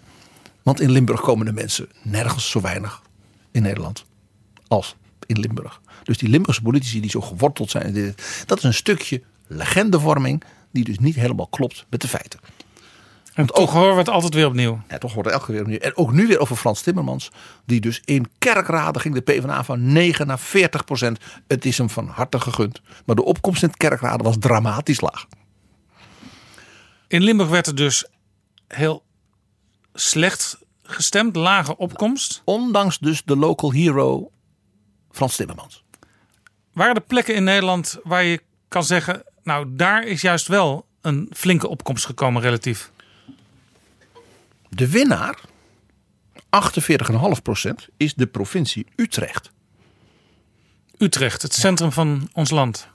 Dus niet een provincie waar je zegt zoals Limburg of zoals Zeeland hè, of de Friezen met een geweldige regionale identiteit. Nee, Men zingt allen het ja. Utrechts volkslied. Nee, precies. De minst, de, de, ja, Flevoland nog minder waarschijnlijk. Maar Utrecht heeft ook niet echt een heel eigen karakter, zou je kunnen zeggen. Middle of the road, letterlijk en figuurlijk in dit geval. een stad en wat groene ommelanden, zou je kunnen zeggen. Ja, en mooie villa-buurten en wat dan niet. En toch Utrecht, 48,5 procent. En dan ook weer, dus compliment aan de mensen in Utrecht. En mag ik er dan even een klein ondeugend bij zeggen. Utrecht haalde dus bijna net Roemenië. Als het gaat om democratische participatie en betrokkenheid. Kun je nagaan. Conclusie uit dit blokje, Jaap. Er is dus bij deze verkiezingen één onmiskenbare winnaar. De burger. De kiezer in Europa. Ja, die heeft altijd gelijk. Nee, dat zei ik niet. Want dat geloof ik helemaal niks van. Zoals je weet. Goed, de kiezer heeft uiteindelijk de weg teruggevonden naar het stembureau. En laten we hopen dat, dat, En dat die in trend zich alle doorzet. mogelijke landen in Europa waar het nog niet vanzelf sprak dat men dat deed. Ook vanuit de historie. Ja, zou dat kunnen door dat spitsenkandidatensysteem? Want eh, in het Europees Parlement zijn ze natuurlijk heel blij vijf jaar geleden dat ze op die manier eh Juncker he- hebben kunnen krijgen als eh, voorzitter van de commissie. En nu is het idee, eh, het moet een spitsenkandidaat worden, wie het ook wordt. En de Christen-Democraten zeggen, de grootste partij eh, moet de spitsenkandidaat leveren. En ja, wij zijn dat opnieuw als Christen-Democraten geworden. Dus Manfred Weber. Heeft zo'n spitsenkandidaat idee nou ook meegespeeld? Of is de gemiddelde kiezer in Heerlen of de gemiddelde kiezer in eh, Amersfoort daar helemaal niet mee bezig? Nou, ik denk dat eh, dus dat patroon van die hogere opkomst over de volle breedte, dus een onderliggend proces is wat al dus langer loopt, ook bij regionale en nationale verkiezingen. Dus ik gun het eh, Frans Timmermans en Manfred Weber van harte en Bas Eickhout, ja, dat ze zeggen wat fijn dat onze campagne is aangeslagen. Want die mensen hebben zich helemaal de benen uit de lijf ge- gelopen maandenlang en dan moet je ze dat gunnen. Maar je hoort een zekere relativering. Daar komt bij.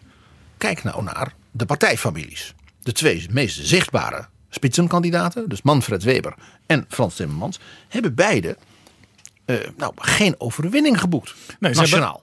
Ja, en in het Europees Parlement ook eh, toch tientallen zetels verloren. Ja, relatief is het verlies van Timmermans zelfs fors zwaarder dan het van Weber. Want ook dat hadden de media dus niet genoteerd. Eh, eh, Weber ging van, nou, wat was het, van 210 naar 180, min 30, min 35. Eh, Timmermans ging van 195 naar 160, 30, 35. Maar dat is een veel groter percentage relatief van de omvang van zijn fractie. Want eh, de Sociaaldemocraten, hè, onder leiding dus van spitsenkandidaat Timmermans, kregen dus een aantal klappen om de oren. Zeg. Nou ja, de halvering van de SPD in Duitsland, Ja. die de vorige keer natuurlijk met de spitsenkandidaat Martin Schulz nog min of meer overeind gebleven waren. Ja, en de, en de Sociaaldemocraten in Duitsland altijd een eh wichtige factor. Jazeker. Eh, ook met vaak zeer goede mensen. eh, zeer goede, zware politici. Dus een hele zware klap, een halvering. Dan natuurlijk de dreun die Labour kreeg. Eh, dat was echt geen beste uitslag. Ik geloof 10, 11 zetels. Ja, nog net iets, Van de groot- 70. nog net iets groter dan de conservatieven, maar Ja, niet de veel. conservatieven was helemaal niets meer. Maar ook dat is dus een groot land met een grote sociaal-democratische partij, waar dus weinig van overbleef.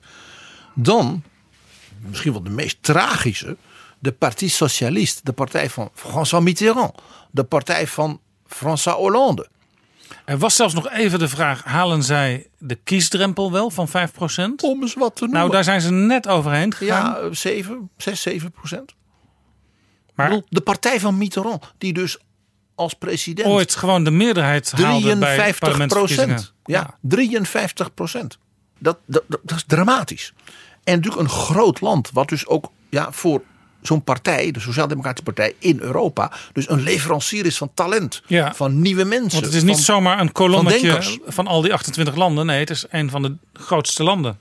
Precies. En, en dan eigenlijk in de twee dominante landen, hè, Duitsland en Frankrijk. En Engeland. Dus de drie, twee landen met een veto in de, in de, in de Veiligheidsraad en dan de grootste economie van Europa. Waar de sociaaldemocratie dus dreunen kreeg en in één bijna verdwijnt.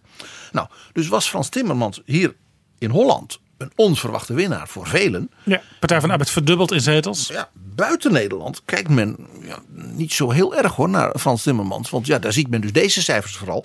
En daar ziet men heel iemand anders. Ja, het Timmermans effect eh, gek genoeg dus ook niet bij de Duitsers, waar die wel op televisie zelfs anderhalf uur eh, heeft in primetime heeft gedebatteerd met Weber. Wat ik heel goed vind van, van, van beide heren en van de Duitsers. Ja. Maar men kijkt dus naar iemand anders. Want er is één iemand dat is de absolute triomfator in de Europese sociaaldemocratie. En dat is Pedro Sanchez, de nieuwe jonge premier van Spanje. Want niet alleen heeft hij dus een tijd lang met een soort minderheidsregering een progressief bewind in Spanje overeind gehouden. Wint onlangs de nationale verkiezingen. Eh, formeert dus een nieuw progressief kabinet. En nu een indrukwekkende overwinning. Heel interessant, want toen Sanchez aantrad als leider van de Spaanse Sociaaldemocraten, Gaf niemand een cent. toen werd er gezegd: ja, het is een jonge jongen, wat moeten we met hem? Eh, hoe lang zal hij het volhouden? We gaan over een half jaartje, misschien over anderhalf jaar, gaan we wel definitief een nieuwe leider zoeken. Maar nu staat hij er. Hij is de Jan-Peter Balkenende van Madrid, zou je kunnen zeggen. De onverwachte, nooit geziene. En hij staat er en hij wint. Ja, Nou, wat gebeurde er in, in Spanje? De opkomst was dus hoog. Mede door een aantal hele belangrijke eh, regionale verkiezingen. Waaronder die in de regio en de stad Madrid. Dus daar werd is gevochten om de, de burgemeesterspost en dergelijke. Dus dat leidde tot nog meer extra opkomst. Eh, hij drukte de e- extreem linkse partijen eh, in Spanje, dus onder de kiezers, helemaal tegen de wand. ja Podemos. Podemos, eh, ook andere kleinere linkse partijen, ook in bepaalde regio's met hun linkse eh, traditie. Izquierda Unida. Ja, precies, de oude communisten.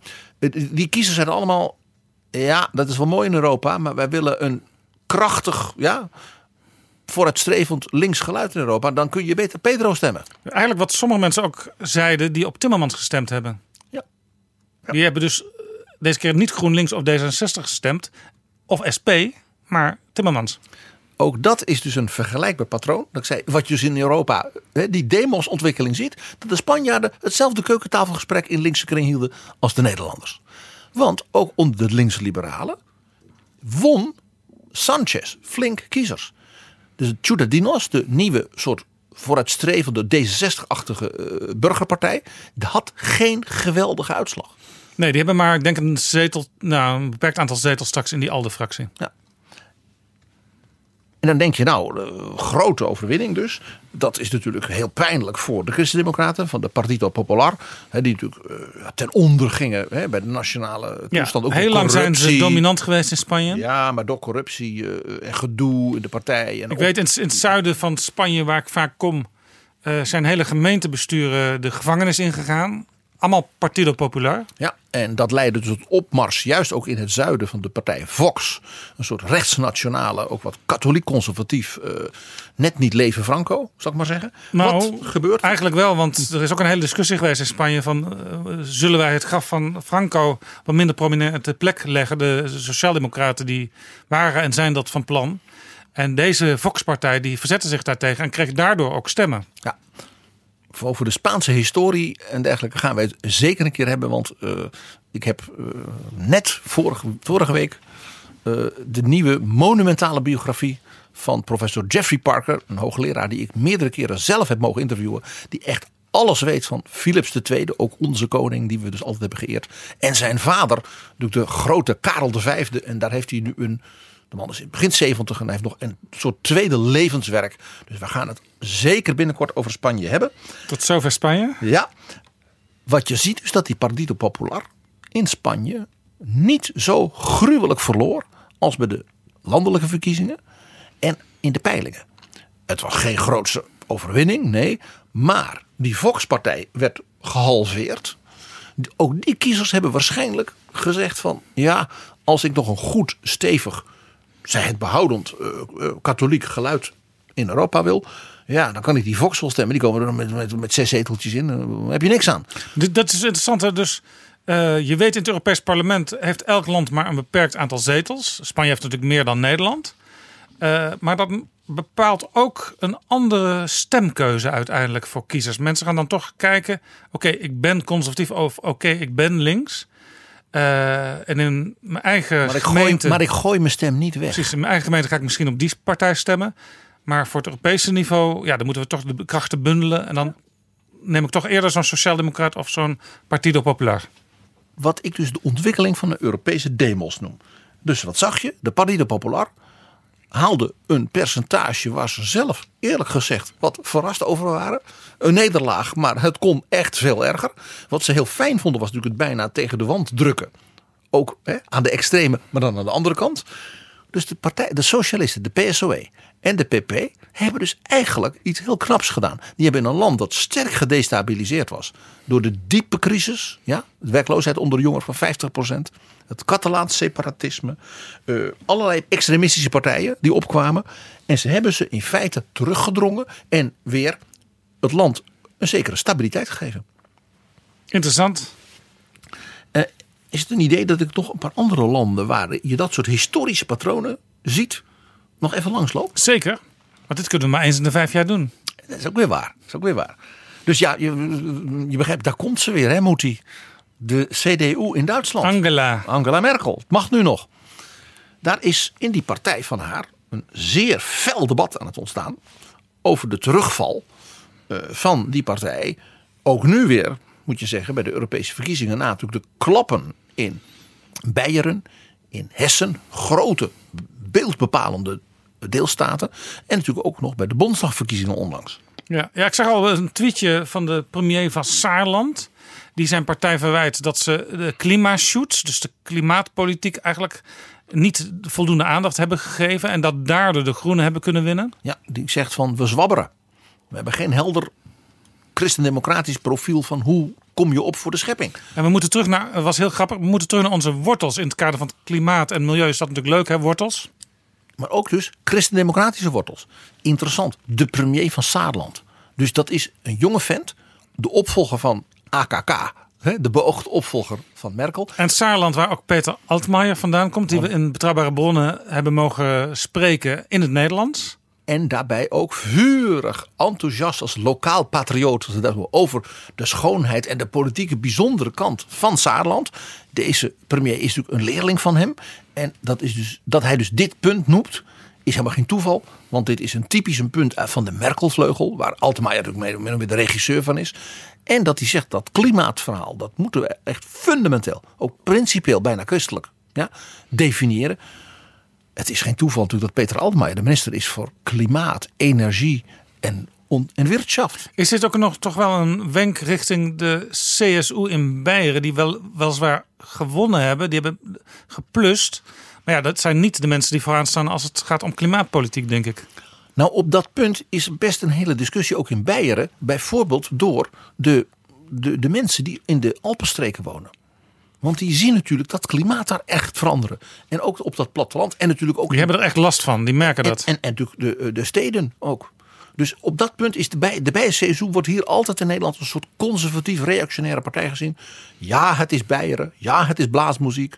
Maar er is, dus, er is een veel verfijndere discussie vaak daar intern. Met natuurlijk met grote bierpullen op tafel slaan. En eh, de, de, de rooien natuurlijk aanvallen. Maar dat hoort een beetje bij de Bijense Maar het lastige dus nu voor de christendemocraten in Duitsland is... eh, zij moeten dus eh, weer een verstandige klimaatpolitiek gaan articuleren.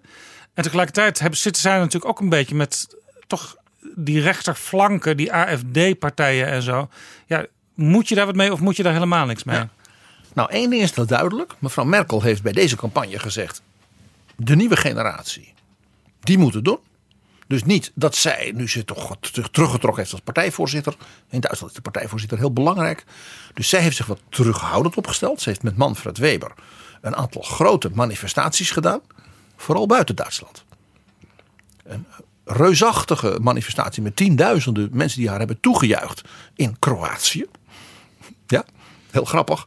En natuurlijk één in München. Ja, en nog eentje voor de. Maar dat was het dan. En één ding is dus duidelijk. Ja, Moetie wordt gemist als trekker.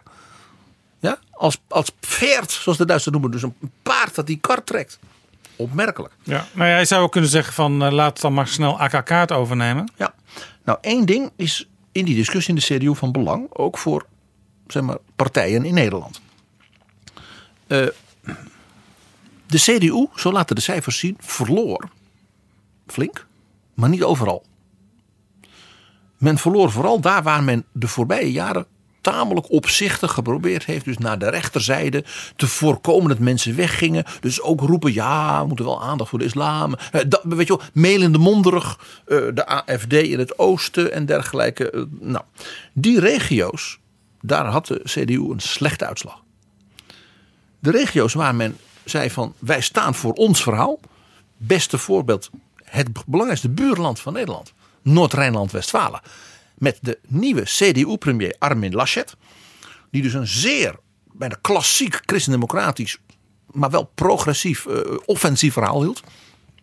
Dan bleef men behoorlijk overeind. En, nog interessant, de cijfers hebben we gezien. Het verlies van de CDU. Dan zou je zeggen, ja, dat was een forse, min 6, Ja. 7 procent. Boe, ja. Eh, nou, dan zal dat wel heel goed zijn geweest voor de AFD. Hè, en de, de liberale FDP, die ook een beetje op rechts onder de burgerij probeert te scoren. Nou, die hadden beide een zeer zwakke uitslag. De CDU verloor in die vijf jaar 2,5 miljoen kiezers aan de niet-kiezers. En dan moet je dus denken, bij een zeer hoge opkomst, dus niet aan thuisblijvers. Maar dat zijn mensen die de vorige keer nog stemden en nu niet meer. En die zijn nu dood. Want die partij is, zoals de Partij van de Arbeid, zoals het CDA en dat soort partijen, relatief sterk onder de mensen boven de 60, boven de 70. En je ziet daar dus de vergrijzing bij dat soort partijen doorwerken. Je kunt dus bijna, eh, als er nieuwe verkiezingen aankomen, demografisch uitrekenen hoeveel procent het waarschijnlijk weer minder zal worden, gewoon op basis van eh, sterven. Ja. Zo. Dat geldt ook voor het CDA, geldt ook voor de Partij van de Arbeid. De grote verlies naar een andere partij was ook heel duidelijk. 1,2 miljoen naar de Groenen. Vanuit de Christen-Democraten. Ja. En nog een ding. Onder de jonge kiezers, onder de 35, halveerde de CDU. Dat, is, dat is echt een heel slecht teken. Want boven de 60 en 70 bleef de CDU bijna ongewijzigd sterk. Die zeiden, wij zijn de, van de partij van Adenauer, van Kool, Ja. van Merkel. Europa is belangrijk, wij steunen Manfred Weber. En natuurlijk, zolang de vergrijzing doorzet, heb je daar nog een stevige basis. Maar het is altijd een slecht teken als de jongeren niet meer op je gaan stemmen. Ja, want die, die gaan het later doen. Die moeten ook de partijbestuur overnemen. Die oudere mensen kunnen niet nog weer eh, hè, campagne voeren. Die kunnen wel eens een foldertje uitdelen, maar niet te veel. Dus als die jongeren, als dat echt wegbreekt. Dan, ah, en die gaan dus in grote getalen naar de groenen. Die gaan helemaal niet naar rechts. Opmerkelijk. Nou, je ziet dus in Duitsland een aantal belangrijke zeg maar, patronen. Geografisch, historisch, die we in Duitsland, in elders in Europa ook zien. Mag ik een voorbeeld geven? Ik zei het al, de partij, de AFD, op rechts, eh, verloor fors ten opzichte van de Bondsdagverkiezingen. Ging wat vooruit ten opzichte van de vorige Euroverkiezingen, maar toen waren ze ook nog echt heel klein. Maar dat gold ook voor die linken, dus zeg maar de SP van Duitsland. Dus de PVV van Duitsland en de SP van Duitsland, net als in Nederland, je ziet de patronen, gingen dus fors in de min. Dat viel ze bitter tegen. Ja. En toch, in de regio's waar zij als het ware hun een beetje vastgewortelde achterban hebben, bleven ze sterk. Dus het verlies zat vooral elders in Duitsland. In, de partij, in die regio's waar men dus bijvoorbeeld naar de liberalen, want die wonnen wel iets, waar men vooral ook naar de groenen ging en dergelijke. Heel opmerkelijk, dus in de oostlanden van Duitsland bleef de AFD overeind. Terwijl de CDU daar dus flink verloor. Waarom men dus nu discussie heeft van hebben wij niet ons te veel op hen gericht en te weinig bijvoorbeeld op de groenen. Je ziet dus langs de grenzen met Polen en Tsjechië in de vroegere DDR, wat men noemt wel de Ossiländer, dat daar AFD en die linken dus sterk blijven. Dat zie je ook in andere regio's met hetzelfde profiel. En dat profiel is, men loopt leeg. Dus het zijn krimpende gebieden qua bevolking. Ja, en dan trekken de hoger Ja. opgeleide weg. Want die vinden banen ja, in de topindustrie en de betere eh, dingen in Stuttgart en in München en Berlijn. Ja. Dag, Berlijn is ook dat deel van de oude DDR. Dat groeit. Daar zijn ook de groenen de grootste geworden. En, en het ligt ook dicht tegen eh, Polen aan. Ja, dus die waar, grensregio's. Waar ook de politieke situatie anders is dan in het westen van Europa. En waar dus ook als het ware de economische structuur ook door vroeger natuurlijk oude industrie is. In de oude DDR heel veel bruinkoolmijnen die dus dicht moeten. Kortom, daar is heel veel dus krimp in industrie, in dynamiek eh, en dus ook in de bevolking. Jonge mensen, vooral de hoger opgeleide, vooral de hoger opgeleide vrouwen trekken weg en er blijven dus lager opgeleide mannen over. En die zijn dus gevoelig, blijvend dus voor AFD, voor die linken en die blijven daar dus sterk. Hoewel ze dus krimpen en dus ook hun Ja, stemmen ja die hebben dus krimpt. Aan de ene kant hebben ze het idee van eh, ons land is ons land niet meer. En aan de andere kant hebben ze het idee van ja, als ik bijvoorbeeld op die linker stem, dan heb, heb ik misschien nog straks een wat beter pensioen of een wat betere, Ja, ik, ik, wat lagere huur en zo. Ik, ik weet niet wat ze denken, die, de kiezers. Ik ben er altijd wat voorzichtig in. Ik kijk naar die cijfers. En je zegt, ik zeg, het is opvallend dat die streken Ja. dat patroon vertonen. En dat patroon zien wij in andere landen ook. Wat je ook ziet, een zeer interessant element, is eh, dat de Groenen in Duitsland echt nu nog meer dan ooit de partij van de moderne stad zijn.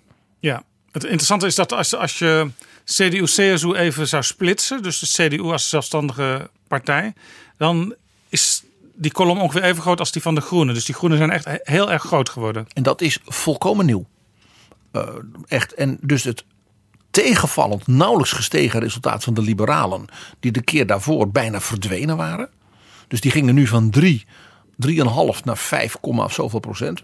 Ja, dat is, dat is niks. Nee. Eh, en dat heeft dus te maken dat dus de jonge, hoger opgeleide, eh, actieve burgerij, die in Duitsland dus bepaald welvarend is, hè, het is een rijk land, die stemmen dus niet zoveel meer op die FDP, want die wil toch maar belastingverlaging. En Maar het is wel een, eh, een leider met een jonge uitstraling bij de FDP. Ja, maar dat is eh, voor Europa dus allemaal niet zo'n punt. En bovendien, hij is zeer controversieel in allerlei opzichten. Uh, nee, je ziet dus de wijken in die steden. Echt in de steden. Met veel studenten, creative industries, een beetje hip. Uh, maar als ook de betere burgerij, om het maar zo te zeggen.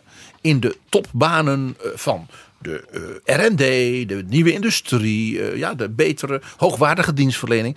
Dat daar niet alleen een hoge opkomst is, maar ook veel stemmen op de groenen. En als we verder in Europa kijken, zien we die patronen elders ook? Jazeker. Mag ik eens een voorbeeld geven? Italië lijkt op Duitsland. Dat lijkt me juist niet, want in Italië is aan de macht uh, de populisten van links, de populisten van rechts. Ja, de, de, de, de, regering met meneer Salvini, dan denk je niet meteen, oh dat lijkt op de regering van Mutti. Hè? Nee. nee. En toch zegt PG, die eigenwijze PG, jazeker. Kijk maar naar de uitkomsten van die verkiezingen. Ja, je ziet in ja de- we moeten inderdaad even abstraheren van wat er nu in de regering zit. We gaan nu gewoon naar de, de uitslagen in Italië en ook in de regio's kijken. En die onderliggende dus lange termijn processen.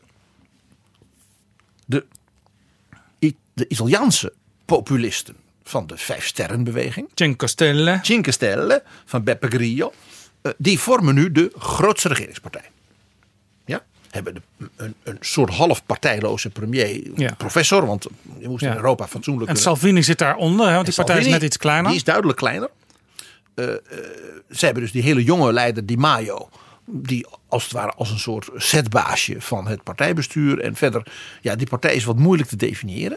Ja, en het was altijd zo dat als. eh, ik weet niet precies hoe het nu is, want Beppe Grillo staat weer gewoon avond aan avond in de theaters. Maar als eh, Grillo even belde, dan stond iedereen weer in de slagorde om aan zijn wensen te voldoen. Ja, Zelfs, zelfs die ministers. Ja, en, en, en via internetconsultaties mocht iedereen meepraten en, en dergelijke. Nou, wat is er gebeurd? Zij hebben een buitengewoon slechte verkiezingsuitslag. Zij zijn gehalveerd van 32 naar 16 procent. Die Cenco Stelle. Ja. En toch zeg ik, kijk nou naar Italië. Net als dus de AFD in Duitsland en de linken in Duitsland. Dus ook van die flanke partijen, links en rechts. Dat zit bij hen er alle twee een beetje in. De concentratie op die gebieden in het land. Met die kenmerken die ik noemde. Leegloop, laag opgeleid, eh, weinig perspectief. Eh, eh, relatief arm niet veel dynamiek, eh, eh, oude industrie. Daar zijn de Cinque Stellen absoluut dominant gebleven. Dus ondanks gehalveerd, daar bleef het sterk. En dan heb je het dus over Sicilië, Sardinië, dus, eh, ze noemen Sud e Isole. Dus Zuid- en eilanden. Dan heb je het over Campania, Ja, ook de plekken waar, Napels, de, waar, de waar de maffia traditioneel Dat- groot is. Ook nou, die is overal eh, sterk. Maar dat heeft dus sterk nog vaak feodale politieke en maatschappelijke structuren. Net als waar ik het over had, Limburg en Brabant. Gebieden waar de opkomst altijd heel laag was.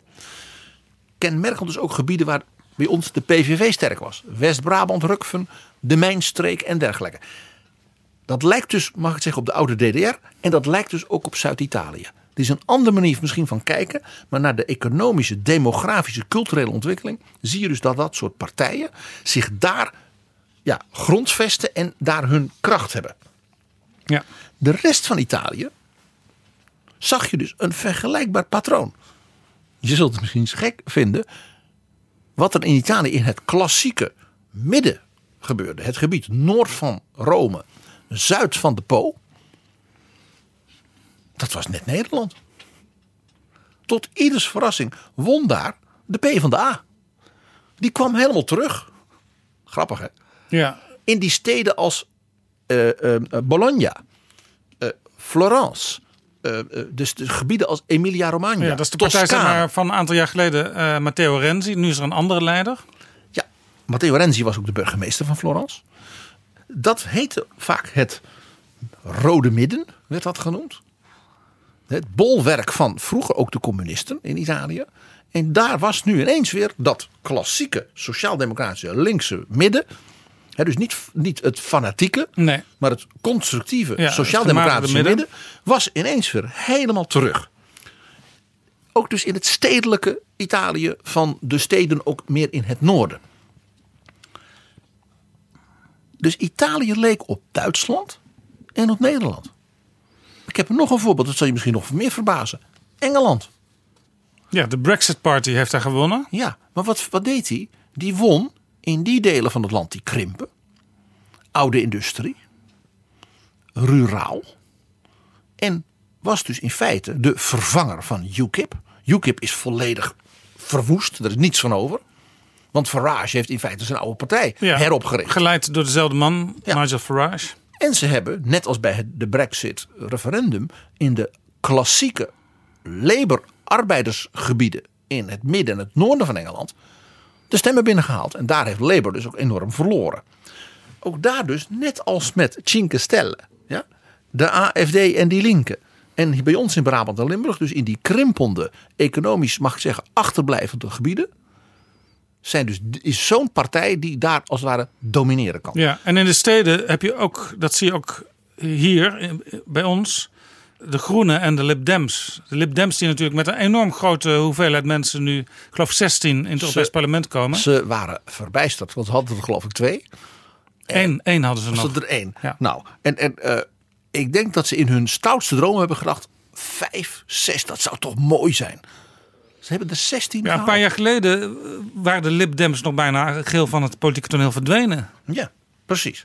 Nou, eh, dus dat is een, eh, een, laat ik zeggen, een aanmoediging voor eh, D66 dat van 4 naar 2 ging. Maar je ziet dus dat die steden, en dat is niet alleen Londen, moet je dus ook denken aan steden als Cambridge, Oxford, Edinburgh. Ja? Dat is heel interessant. Dus ook dus weer die kennisgedomineerde steden. En natuurlijk dat hele Londen met zijn enorme ja, buitenwijken. Hè, Londen dat is, dat is een wereldcentrum op zichzelf. Dat daar dat soort partijen, mag ik zeggen, de moderne burgerij, de, de, de, zeg maar, de positief in de wereld staande jongere mensen, hoger opgeleide, dus die komen ook veel naar de stembus, dat die dus daar hetzelfde hadden. Nou, je ziet dus eigenlijk in heel Europa. Dus, dus het maakt soms niet uit of je nou in Londen of in Amsterdam of in Berlijn eh, woont en stemt. Je, je ki- je kiest ongeveer dezelfde soort partijen. En het maakt dus ook niet uit of je in Newcastle, Görlitz of Napels stemt. Of in Noord-Frankrijk eh, bij Lille en Roubaix. Want daar, daar heeft mevrouw Le Pen dan haar, haar kracht. Dat is zeer opmerkelijk wat ik al eerder probeerde te zeggen. Er is een soort Europees politieke cultuur en demonstrant ontstaan. Mag ik met name dat punt van die steden nog eens aanstippen. Want daar zie je in feite, dus net als in die leeglopende arme gebieden, een soort regionaal politieke polarisatie. Zou ik bijna zeggen. Ja, dat je zegt daar, dus die, die streken, in dit geval dus urbane centra, die hebben hun duidelijk eigen politiek profiel, net als die krimpgebieden. Mag ik een voorbeeld geven? We hadden het al over Londen. Hele andere stad, grote stad in een land wat verder niet veel inwoners heeft, dus die stad domineert politiek. Helsinki. De hoofdstad van Finland. Ja.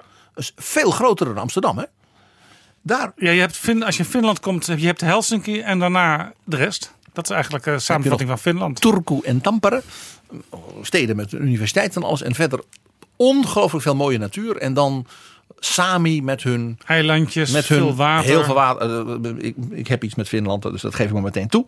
En Helsinki, daar was onlangs dus eh, nationale verkiezingen voor het parlement. Nu bij de euroverkiezingen was de opkomst nauwelijks lager. Ook interessant. En eh, daar werd gevochten in die grote stad tussen twee partijen om wie de grootste zou worden. De Christen-Democraten en de Groenen. De Christen-Democraten zijn in Helsinki altijd heel sterk als partij van het nette eh, burgerij. Hè, dus Lutherse, eh, beschaafde, ingetogen mensen zoals de Finnen natuurlijk sowieso zijn. Ja. En je hebt natuurlijk een sterke sociaaldemocratie, die had het nu niet zo'n goede uitslag. En de Groenen en de Christendemocraten hebben dus elkaar helemaal weggeflyerd en gefolterd en geknokt om de laatste stem. En bij de gemeente, bij de laatste nationale verkiezingen won, wonnen de Groenen echt flink in Helsinki, dus dat was feest. Nu bij de Europese verkiezingen was het heel nipt, het was echt gewoon spannend. En de Christen-Democraten moesten het nou ja, op een honderdste, tiende, twee tiende procent, ik noem 23,1, 22,8, zoiets. Dus ze hadden alle twee wel een beetje gewonnen. En ze hadden van shit. Ja. Maar de Christen-Democraten waren dus in heel Finland met afstand de grootste partij. Mede dus dankzij Helsinki. Ja, en hier hebben de Groenen dus het voordeel van zo'n tweestrijd, waar dus de Sociaal-Democraten leeglopen. En dus Helsinki, een stad met natuurlijk enorme ja, Finse eh, kenniseconomie, IT, eh, ja, eh, kunstenaars. Die vinden bij die groenen hun plek. Wat je dus in Londen ook zag, met een sterk internationale oriëntatie. Nog een hele leuke, Warschau. En je denkt Polen, Kaczynski's, rechts, katholiek. Nee, er was een alliantie van zeg maar, christendemocratische partijen, liberale kleine partijtjes en de groenen samen tegen de Kaczynski's. Eigenlijk een alliantie achter Donald Tusk. Voor als hij terugkomt. Ja, want hij wil terugkeren in de nationale politiek. Hè? En dit is zijn alliantie. En die moest dus vechten met de Kaczynski's. Dus dat werd een tweestrijd, wat dus alle andere rare kleine partijtjes uh, wegdrukte. En als je nou naar de kaart van Polen keek, het was fascinerend, ja. Het westen van Polen, letterlijk de provincies, je kunt de grenzen tekenen. Die zeg maar tot 1918 werden bestuurd door Brandenburg-Pruisen en daarna door Duitsland. Die provincies stemden Tusk. Dus christendemocratisch groene alliantie. Die grens loopt precies langs de grens van 1815 ja, na Napoleon. En midden in dat andere gedeelte, wat dus zeg maar meer Russisch-Oostenrijks gedomineerd was al die eeuwen, is er één plek. En als je op de kaart kijkt, daar heeft ook iedereen op die Tusk Christendemocraten groen gestemd. En dat is Warschau. Dus je ziet Warschau een moderne Europese stad geworden. Met jonge mensen, studenten, nieuwe industrieën, dienstverlening. Ja, al die dingen. Helsinki, Londen.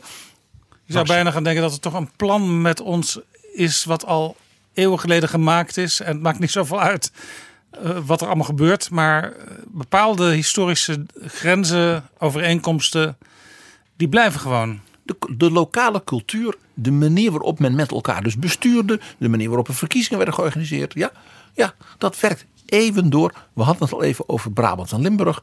Dat, dat ik zei, dat gaat terug tot de generaliteitslanden van de 16e, 17e eeuw. En hier zie je, dit gaat dus terug tot koning Frederik de Grote, keizerin Maria Theresia, waar wij vorige week nog over spraken toen we het hadden over Oostenrijk. Ze is er dus gewoon nog in Polen.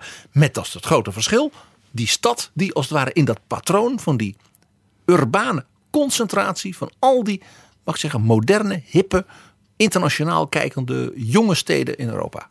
Zeg maar de, de bakfiets internationale. Ja, als je dat wil zeggen, dan mag dat van mij. Dit is Betrouwbare Bronnen met Jaap Jansen. En ik praat met mijn vaste gast PG Kroeger over de uitslag van de Europese parlementsverkiezingen 2019 in historisch perspectief. Een van de grote winnaars in een deel van Europa waren de Groenen. Het mooiste voorbeeld natuurlijk Duitsland. Uh, je begrijpt dat PG kijkt altijd even extra naar Duitsland. Ik ga je een lijst voorlezen in hoog tempo van de steden waar de Groenen allemaal, dus soms met afstand, niet met 1, 2 procent, de grootste werden. Steden die klassiek SPD waren, klassiek CDU, klassiek FDP, allemaal groen. Berlijn, de hoofdstad, miljoenen. Dat is Rote Hamburg, een miljoenenstad. München, de stad van Beieren, een miljoenenstad. Frankfurt, Keulen, de stad van Adenauer en de, en de kathedraal. Bonn, de oude stad van hè, de hoofdstad van Duitsland. Ja. Stuttgart, stad van Baden-Württemberg, puur CDU, de auto-industrie. Kassel, Heidelberg, Karlsruhe. Aards-katholieke steden van, van bisschoppen van eeuwen. Mainz, Münster, zeer conservatief. Trier, Osnabrück, zeer conservatief katholiek. Würzburg, even oud katholieke hoofdstad van de familie Schönborn. En het meest verrassend, de stad Leipzig. In een gebied waar je denkt, oh dat is allemaal, allemaal AFD en zo. Nee, in Leipzig waren de Groenen de grootste. Een typische nieuwe economiestad die dus opbloeit. Ook door het toerisme, eh, door de, de, de, het Leipziger Messen, de IT-industrie die een groot succes is. En je ziet dus die stad veranderen. En er was nog één andere stad in het oosten waar de groenen de grootste werden. De stad Jena. En dan denk jij natuurlijk meteen, ah, Jena, Kant, Herder, Goethe, Schiller. De beroemde universiteitsstad al in de 18e eeuw. Waar de gebroeders Wilhelm en Alexander van Humboldt op bezoek gingen bij hun vriend Schiller. Die daar dichtte en les gaf. En alle grote denkers die daar dus college gaven. Ook daar zijn de groenen nu de, grootste. Een typische klassieke wetenschapsstad. Ja. En dan zie je dus hoe die oude patronen. Ja, ineens zelfs in dat door het communisme en daarvoor in de nazi-tijd helemaal platgeslagen land. En je ziet gewoon die historische cultuur en wortels weer groeien. Ja, universiteitssteden. Zeker. Kijk maar naar Nederland. Waar werd GroenLinks de grootste?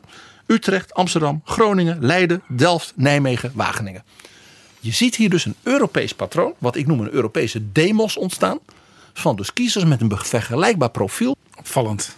Opmerkelijk. binnen de Europese partijen. Zie je dus dat dit natuurlijk doorwerkt. Als er dus een Europese demos ontstaat. Met karakteristieken als krimpgebieden zitten op de flanken rechts en soms links. Of bij die vijf sterren. Steden, de- daar concentreert zich het hoogontwikkelde jeugdige burgerschap. Nieuwe industrie, nieuwe economie, duurzaamheid. Met de groenen. Kijk nou eens naar de verandering in binnen die partijen. We hadden het al even over de Sociaaldemocraten. Ja, dus, dus, dus op de grote Europese bijeenkomsten komen hetzelfde type mensen komen elkaar dan weer tegen. En dat zijn andere mensen dan 40 jaar geleden. Zeker. De Sociaaldemocraten. Klassiek natuurlijk, de SPD. Mitterrand, de Franse socialisten. De Italianen. Ja? En later Labour toen die erbij kwamen. Nou, allemaal nu dreun, dreun, dreun. Daar is het nu Pedro Sanchez en meneer Acosta. Ja. Dat is dus nu een modern Zuid-Europees eh, leiderschap is daar aan de orde. Kijk eens naar de EVP, de Europese Volkspartij, de Christendemocraten. Klassiek, ja, CDU. De Italiaanse Democratia Cristiana.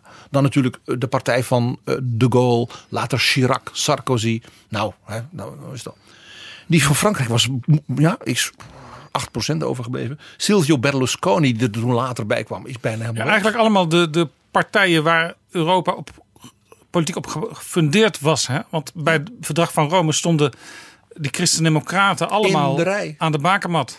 De Gasperi, Adenauer, Schuman. En hun volgelingen, hun navolgers zijn dus nu allemaal gekrompen en heel Ja. klein geworden. Ja, ook de CDU kreeg een flikse tik.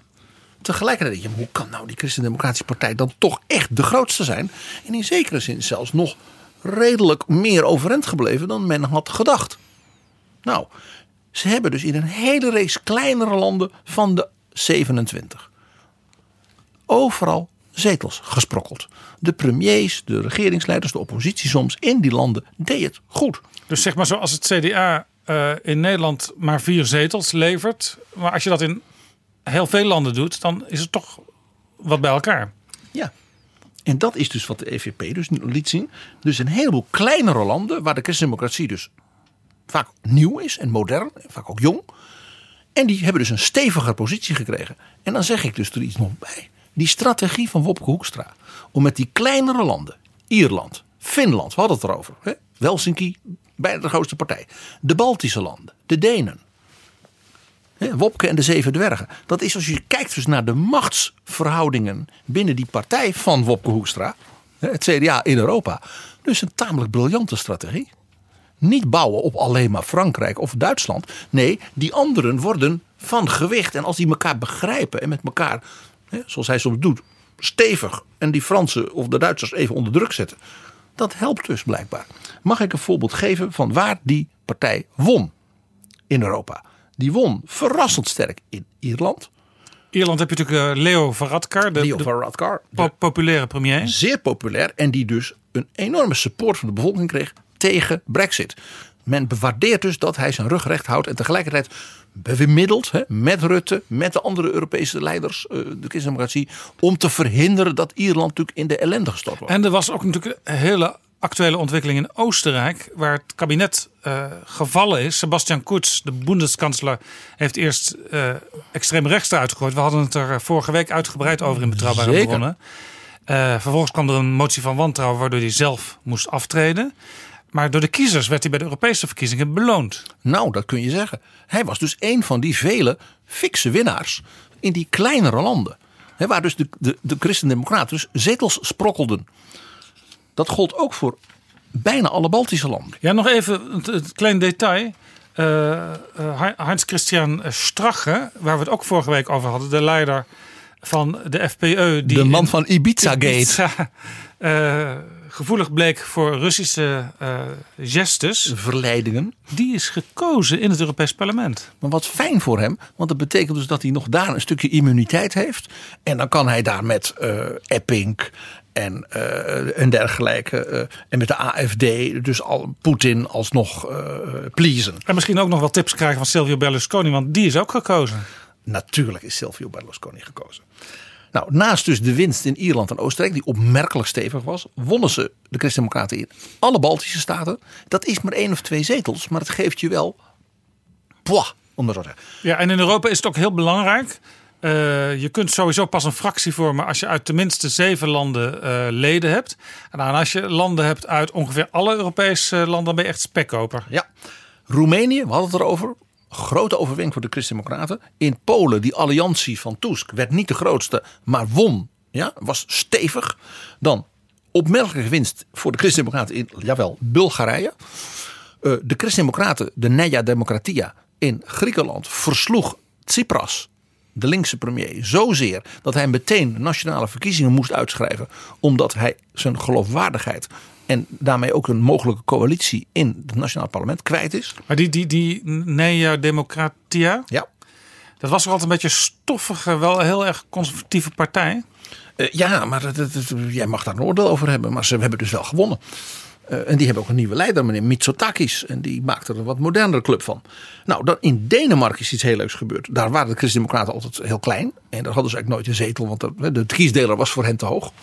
Maar ja, er was een zeer populaire Christen-Democratische politicus. die echt op, puur op eigen kracht een zetel haalde in Europa. Omdat mensen zeiden: stuur die vent daar nou heen, die kan dat goed. Die stopte nu. Nou ja, dat was over. En die had een soort opvolger die die ook een beetje gesteund heeft en gevormd. En die persoon heeft nu opnieuw dus het gehaald. Dus heb je een christendemocratische Deen, stuur hem erheen. Ja, oh, die is mooi. En dan natuurlijk, we hadden het al even over Finland, waar Ja. ze ook goed deden. Helsinki. Vandaar dus dat die Kroatische en die Letse premier, je had het er al over, als onderhandelaars voor de EVP, niets An- toevallig is. Andrei Plenkovic en Christianis Karins. Ja, dat is dus geen toeval. Want die winst zat dus bij die zeven, in dit geval wel vijftien dwergen van de vrienden van Hoekstra. En dat maakt dus dat die Christen-Democratische Partij, toch de dominante grote partij in Europa, dus van karakter aan het veranderen is. Die wordt dus multicultureler, multinationaler. Die wordt dus echt, die heeft dus ook leden als enige partij in alle Europese landen. En dat wat- is voor het eerst, hè? ja, en dus wat de beweging Volt pretendeerde te gaan doen. Ja, dat was een partij die zei: wij gaan niet vanuit de landen opereren en dan samenwerken over de landsgrenzen heen. Nee, wij beginnen meteen als pan-Europese partij en we gaan in alle landen kandidaten stellen. En die hebben dat gedaan. Reinier van Landschot in Nederland, 2% heeft hij bijna gehaald. Best, best nog goed. Ja, dat hebben ze dus gedaan. Die pretentie hebben ze niet waargemaakt. En de Beierse man Fred Weber als spitsenkandidaat van de Christen-Democraten dus wel. Maar ze hebben wel één zetel vanuit Duitsland, Volt. Dat is toch mooi. En de Christen-Democraten gaan, en daarom dat ze nu echt in alle landen zitten. Zodra Brexit gaat en er dus een herverdeling komt. dan is dat ene landje waar de Christen-Democraten nog net te klein waren. dan komt er een Christen-Democraat die krijgt dan die eerste Brexit-restzetel. En dat is Estland.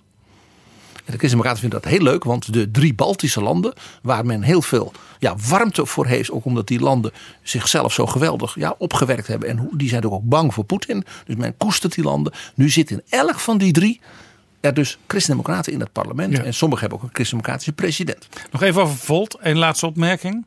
Zij komen dus met één Duitser in het Europees Parlement. Nou ja, één persoon, dat, dat, ja, daar, daar kun je helemaal niks. Dan, ja, je kunt stemmen, je kunt misschien af en toe een amendementje indienen, maar wie stemt ervoor, ja, dat weet je niet. Dus ik voorspel, en dat is ook wel tragisch eigenlijk, eh, dat die ene van Volt waarschijnlijk heel snel bij een fractie als de ALDE, of misschien de Groene, maar ze hadden al contact met de ALDE, weet ik vanuit, eh, vanuit Nederland, zal daar aansluiten. En ja, dan is er van dat pan-Europese partij-idee natuurlijk helemaal niks meer over. Ik ga iets buitengewoon onaardigs zeggen. Ik vind dat Volt helemaal niks. Want ze hadden dus een hoop pretentie. Ze halen in Nederland 2%. Als ze nou dat niet hadden gedaan, dan was Felix Klos waarschijnlijk voor D66 als nummer 3 erin gekomen. We hadden een gesprek met hem, met Andrew Roberts over Churchill. Een voortreffelijke jongeman. Op, eh, ge- laude in Oxford. Was een sieraad voor het parlement geweest. Ja, toch was Felix Klos er niet ingekomen. Want ik heb even de, de cijfers voor D66 aan nader onderzoek onderworpen. En dan blijkt dat Eh, niet alleen nummer drie is een vrouw, die heeft de plek van nummer twee ingenomen. Maar nummer vijf, eh, die, dus weer een vrouw die weer, weer onder Klos stond, op nummer vier stond die. Eh, die heeft ook meer stemmen gekregen. Dus de ladies got it. Ik zeg verder niks meer. Even nog, we hebben nu de opmerkelijke dus binnenkanten van de grote families, de Sociaaldemocraten, de Christendemocraten behandeld. Kijk ook even naar de Liberalen. Daar is natuurlijk één partij die gewoon echt met flink zetels bij hen komt. En dat is Renaissance van Macron. Macron. Want in geen enkel ander land hebben de Liberalen echt veel zetels. Ja, ook daar, hier ben ik heel benieuwd. Zodra die fractie bijeen is, en dat zal eh, ongeveer nu gebeuren, eh, zullen zij zich waarschijnlijk toch ook wel gaan opwerpen om bijvoorbeeld de fractievoorzitter te leveren. En daar is Guy Verhofstadt natuurlijk altijd eh, aan de macht geweest. Die spreekt Frans, maar ja, de Fransen willen hun eigen taal spreken. En Sophie In het Veld, die had zich in de campagne opgeworpen als kandidaat fractievoorzitter. Het is de vraag of die Fransen dat wel toestaan. Nou, ik denk dat Macron, een Nederlandse mevrouw die de helft van de zetels kwijt is, geen fractieleider maakt. Ik zeg het gewoon heel bruut: Fransen snappen, snappen macht. Tweede punt. Eh, Macron zal zeggen: Ja, ik zit er nu in. En jullie hadden een team van wat geen spitsen mocht heten. Met uh, Verhofstadt en mevrouw Versteiger. En, en een van de merkwaardige Italiaanse dame. En wat al niet. Prachtig. Daar En zat, Bonin, eh, ja, daar zat eh, die hele Sophie allemaal niet bij. Dus waarom maak je die dan fractieleider? Nee, ik, ik redeneer even als een Franse machtspoliticus. Dus Macron zal gaan dicteren in die fractie. Dus ik voorspel daar gaan de grootst mogelijke spanningen ontstaan. dus die renaissance, dat wordt een echte wedergeboorte. Dat wordt het koekoeksjong. Nou, dan nog even de groenen. Want die zijn een belangrijke factor geworden. Al is de winst in absolute aantallen relatief beperkt. Dat komt ook omdat de groenen feitelijk in maar heel weinig Europese landen ook echt meedoen. De winst zat ja, in één land, we hadden het al over. Dat was Duitsland. Dus de Duitsers, die domineren die fractie volledig met mevrouw Ska Keller. Ja. Als een van de twee Overigens ook, spitsen. eh, de Fransen eh, hebben ook veel groenen afgevaardigd. Dat is de derde stroming eh, daar in de politiek. Ja, maar dat is een niet bestaande partij. Dat is een soort algemeen verzamelding. Dus die heeft geen krachtige organisatie. En dat hebben de Duitsers, Duitsers zijnde, Ja, natuurlijk wel. ja. Nee, de, de- en de Groenen hadden ook al veel last van de opkomst van Macron. Want Macron heeft gewoon een aantal Groenen in zijn partij opgenomen. Daarom. Dus de Duitsers zeggen, wij zijn de baas in deze fractie. En de rest is pipikraam. Pipikraam, Ja, kun je dat zo vertalen? dat. Dat is het, het, eh, pr- eh, broddelwerk. Pieterpeuters. Ach, wat is dat Duits toch mooi. hè? We begonnen deze campagne met de spitsenkandidaten. Eh de namen zijn al genoemd aan het begin. Hè? Twee uit Nederland zelfs. Van Timmermans en Bas Eickhout. En Weber, die te gast is geweest eh, in Betrouwbare Bronnen. Eickhout trouwens ook. Ja, Timmermans nam de telefoon een aantal keren niet op. nee, dat, eh, dat, zo gaat dat blijkbaar bij de Sociaaldemocraten. Hoe heeft dat nou uitgewerkt? Want ja, de grote families hebben toch ingeleverd. Ja. En toch, zowel Manfred Weber als Frans Timmermans zijn echte winnaars. Zij het dan niet in heel Europa. Maar Frans Timmermans heeft zijn Partij van de Arbeid in kerkraden. Hij ging van 9 naar 40 procent. Ja, Nou, in Heerlen, waar die nog een huis heeft, ook hè? ik zeg petje af met de opmerking die ik eerder maakte. Er gingen alleen heel weinig mensen naar de stembus. Ja, Heerlen ook de plaats van Ron Meijer, de vo- voorzitter die binnenkort gaat aftreden van de Socialistische Partij. Een eindje verder ligt Boksmeer, waar Emiel Roemer nog steeds woont, de voormalige leider van de SP. Daar is de SP ook naar beneden gekukeld, Partij van de Arbeid flink omhoog. Ik, ik, ben pieteitsvol zwijg ik over de SP nu. Timmermans zorgde er dus zelfs voor dat in Limburg zijn partij, de PvdA, in één klap de grootste was. Niet het CDA, niet ooit de PVV, ook niet de VVD, die ook vrij sterk in Limburg was. Het Forum, het was allemaal eh, mooi. Maar de Frans Timmermans sleurde de PvdA. Zij het bij een lage opkomst. Nou, nummer dat- 1 in Limburg. Jammer dat Thijs Wildgens dit niet meer mag meemaken. Bijvoorbeeld. Dat is dus best een prestatie. Kijken we naar Manfred Weber. Uit Beieren. Nou, de CDU, we hadden het er al over. Hè, daar is zelfs nu een interne bitse discussie over wie is de oorzaak van die nederlaag. En, ja, zo gaat dat in zo'n partij. De SPD verloor. De liberalen, het stelde niet veel voor. De AFD verloor ten opzichte van de eerdere verkiezingen. Die linken, dus de SP in Duitsland, verloor ten opzichte en Europa en de Bondsdagverkiezingen. En de Beierse CSU ging omhoog. Niet heel veel, maar alle andere klassieke partijen gingen dus omlaag. En de CDU, de zusterpartij zoals we dat noemen, de Union, behoorlijk fors. Maar de Union, de Union-deel in Beieren, de, de Christelijk Sociale Union, die won. Conclusie kan dus zijn: Weber. die spitsenkandidaten hebben in hun directe omgeving plussen gemaakt. Alleen Bas Eickhout vind ik wat moeilijk te, te, te traceren. Laat ik het nou zo zeggen. We zijn gul vandaag. In Wageningen was toch eh, GroenLinks de grootste partij. Ja, nou ja, en al die andere eh, plaatsen die je genoemd hebt: hè, eh, Utrecht, Amsterdam, Groningen, Leiden, Delft. Maar ik, zag- ik dacht meer aan de Universiteit van Wageningen. Waar hij dan toch vanuit zijn vak verbindingen mee heeft. En hier zien we nu iets heel moois, Jaap. De ironie van de geschiedenis. En dat is al vaker in onze gesprekken voorgekomen. Dat de geschiedenis altijd net anders gaat dan je denkt. En dat er iets aparts in zit wat mensen niet verwachten. De ironie van de geschiedenis. Europese lijsttrekkers van een spits van een hele familie kunnen dus echt voor een electorale klapper zorgen. Namelijk thuis. In hun heimat. Dus over vijf jaar dan moet een type Ron Meijer, een type Geert Wilders gewoon spitsenkandidaat zijn voor hun stroming in Europa. Dat gaat nou weer veel te ver, Jaap. Dankjewel, PG. Graag gedaan, Jaap. En wij komen terug. Stay tuned.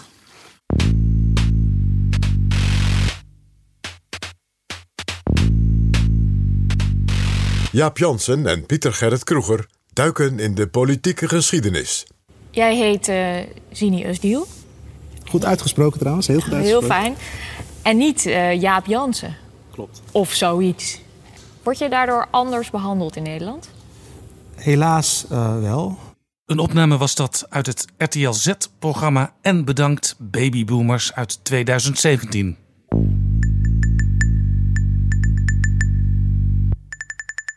Welkom opnieuw, PG. Dag Jaap. Deze week vertrok Zini Usdeel uit de Tweede Kamerfractie van GroenLinks en ook uit de Tweede Kamer als lid. De aanleiding was een interview in Trouw waarin hij zich tegen het leenstelsel uitsprak. Het leenstelsel voor studenten, wat natuurlijk een kindje is van zijn eigen partijleider Jesse Klaver. Die had het eh, min of meer uitgevonden. Hij viel dat aan in Trouw op een zaterdag. De partij in rep en roer. Ze hebben zich uit de situatie gered door eigenlijk het idee van Usdeel over te nemen. Daar moet wat aan gebeuren aan dat leenstelsel. PG, veel luisteraars weten dat jij iets met, of liever gezegd tegen dat leenstelsel hebt. Daar gaan we het nu niet over hebben. Nee, we gaan het dus niet over de inhoudelijke kant van studiefinanciering en de historie daarvan. Doen we een andere keer De zeker. aanleiding gaan we wel bespreken. Zini Usdeel. Ehm, ja, het vertrouwen was weg. Hij klapte uit de school. Hij ging eigenlijk zijn eigen profiel oppoetsen. eh, Omdat hij het beleid wilde veranderen. Er kwamen gesprekken met Jesse Klaver. Eh, Bleek dat hij het gesprek wilde opnemen. Eigenlijk omdat hij Klaver niet vertrouwde. Er was ook nog een vertrouwenspersoon eh, bij betrokken. Nou, allemaal vrij smoezelig. Er kwamen ook verklaringen van Jesse Klaver naar de leden van GroenLinks. Jesse Klaver heeft voor de NOS ook nog wat voor de camera verteld, staande voor zijn huis. Dat hij ervan baalde en dat het allemaal niet geweldig was. En dat hij helaas verder geen details kon verstrekken, maar dat er meer aan de hand was. En het ging niet om de inhoud. Nou ja, dat soort dingen allemaal. Tini Usdel heeft het eh, bestempeld als karaktermoord. Ehm Zini nog even de schets. Kwam uit het niets in die fractie van GroenLinks. Hij was docent geschiedenis aan de Erasmus Universiteit. Hij was columnist. Hij was, laten we zeggen, onderdeel van de creatieve klasse. Altijd interessante mensen. En er zijn dus partijen die denken, goed om die erbij te hebben op onze lijst. Klein detail nog. Eh, kort geleden twitterde hij foto's waar hij samen op stond met Sid Lucassen. Een zeer rechtse denker uit de hoek van Thierry Baudet. Die beide foto's zette op Twitter met mijn nieuwe beste buddy Zini. En dit zette al heel veel kwaad bloed op Twitter, zeg maar in de GroenLinkshoek, maar ook in de fractie. Want daar werd hem zelfs opgedragen om voorlopig niet meer te twitteren. Nou, dat kon je tegen Zini niet zeggen, dat was niet zijn stijl. Nou, dit is de situatieschets. Jij wil het hebben over een aantal wetten die je altijd weer ziet bij afscheidingsprocessen op het Binnenhof. En de vraag is, hoe heeft Jesse Klaver die wetten deze keer toegepast? Ja. Eh, eh, het hele verhaal, zoals jij het ook kort samenvatte, eh, toont aan dat er heel veel in de ook menselijke sfeer misging. Maar mag het ook zeggen in de politieke professionaliteit.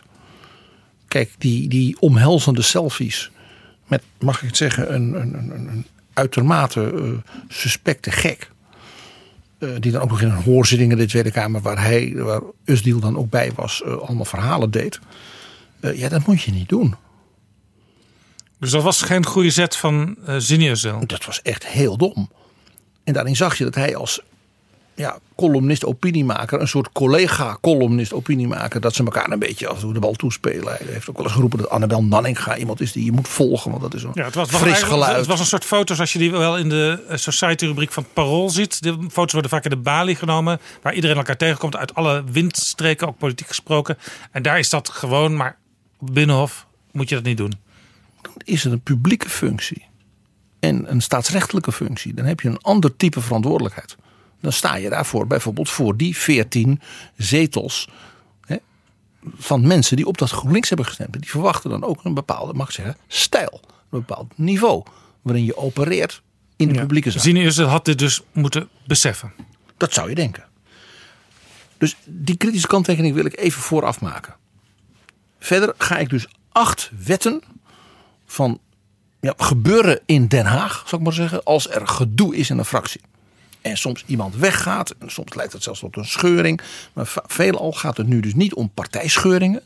Maar omdat er een collega, Kamerlid of iets dergelijks in het ongereden raakt. En dus hoe gaat zo'n fractie van de fractieleiding daarmee om? Ja, het is nooit fijn natuurlijk. Het is altijd gedoe. Ja, dus dit is geen leuk verhaal. Wet 1. Bescherm en slijp je diva's.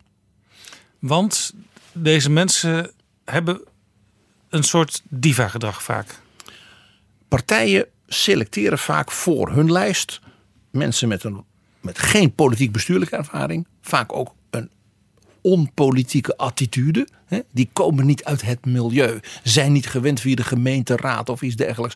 Is Maar juist vanuit het idee laten we eens iemand nemen die niet al onder die kaasstolp groot gegroeid is. Bijvoorbeeld. Eh, en dat is iemand die door zijn persoonlijkheid als wel al aandacht trekt. Ja. Vandaar dat ik een beetje plagerig zeg, diva's. Wat dus een risico is, want ja, die mensen kennen niet de, de zeden en de gewoonten van zo'n partijcultuur. En de cultuur op zo'n binnenhof. En hoe, hoe je omgaat met vertrouwelijkheid in benoemingsprocessen. Nou, allemaal van dat soort dingen. Het is een, een bepaald soort verantwoordelijkheidsbesef ook.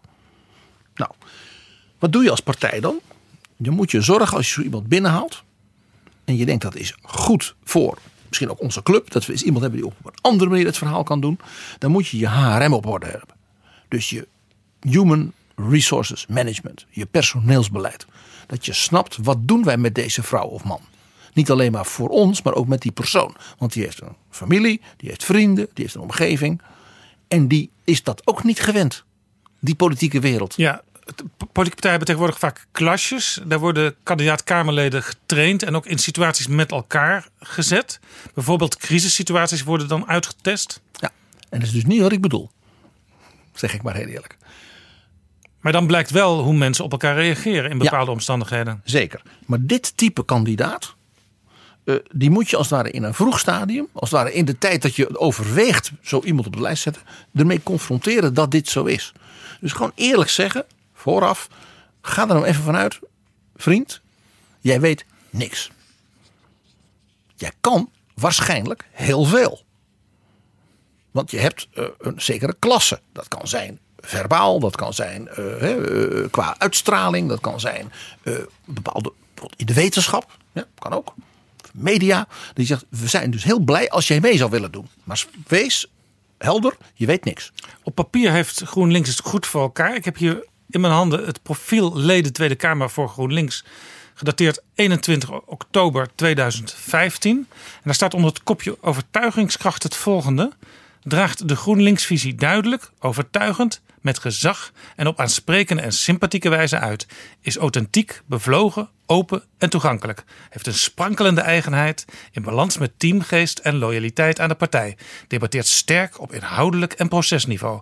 Maakt effectief en strategisch gebruik van de media. En dit zijn advertentieteksten. Ja?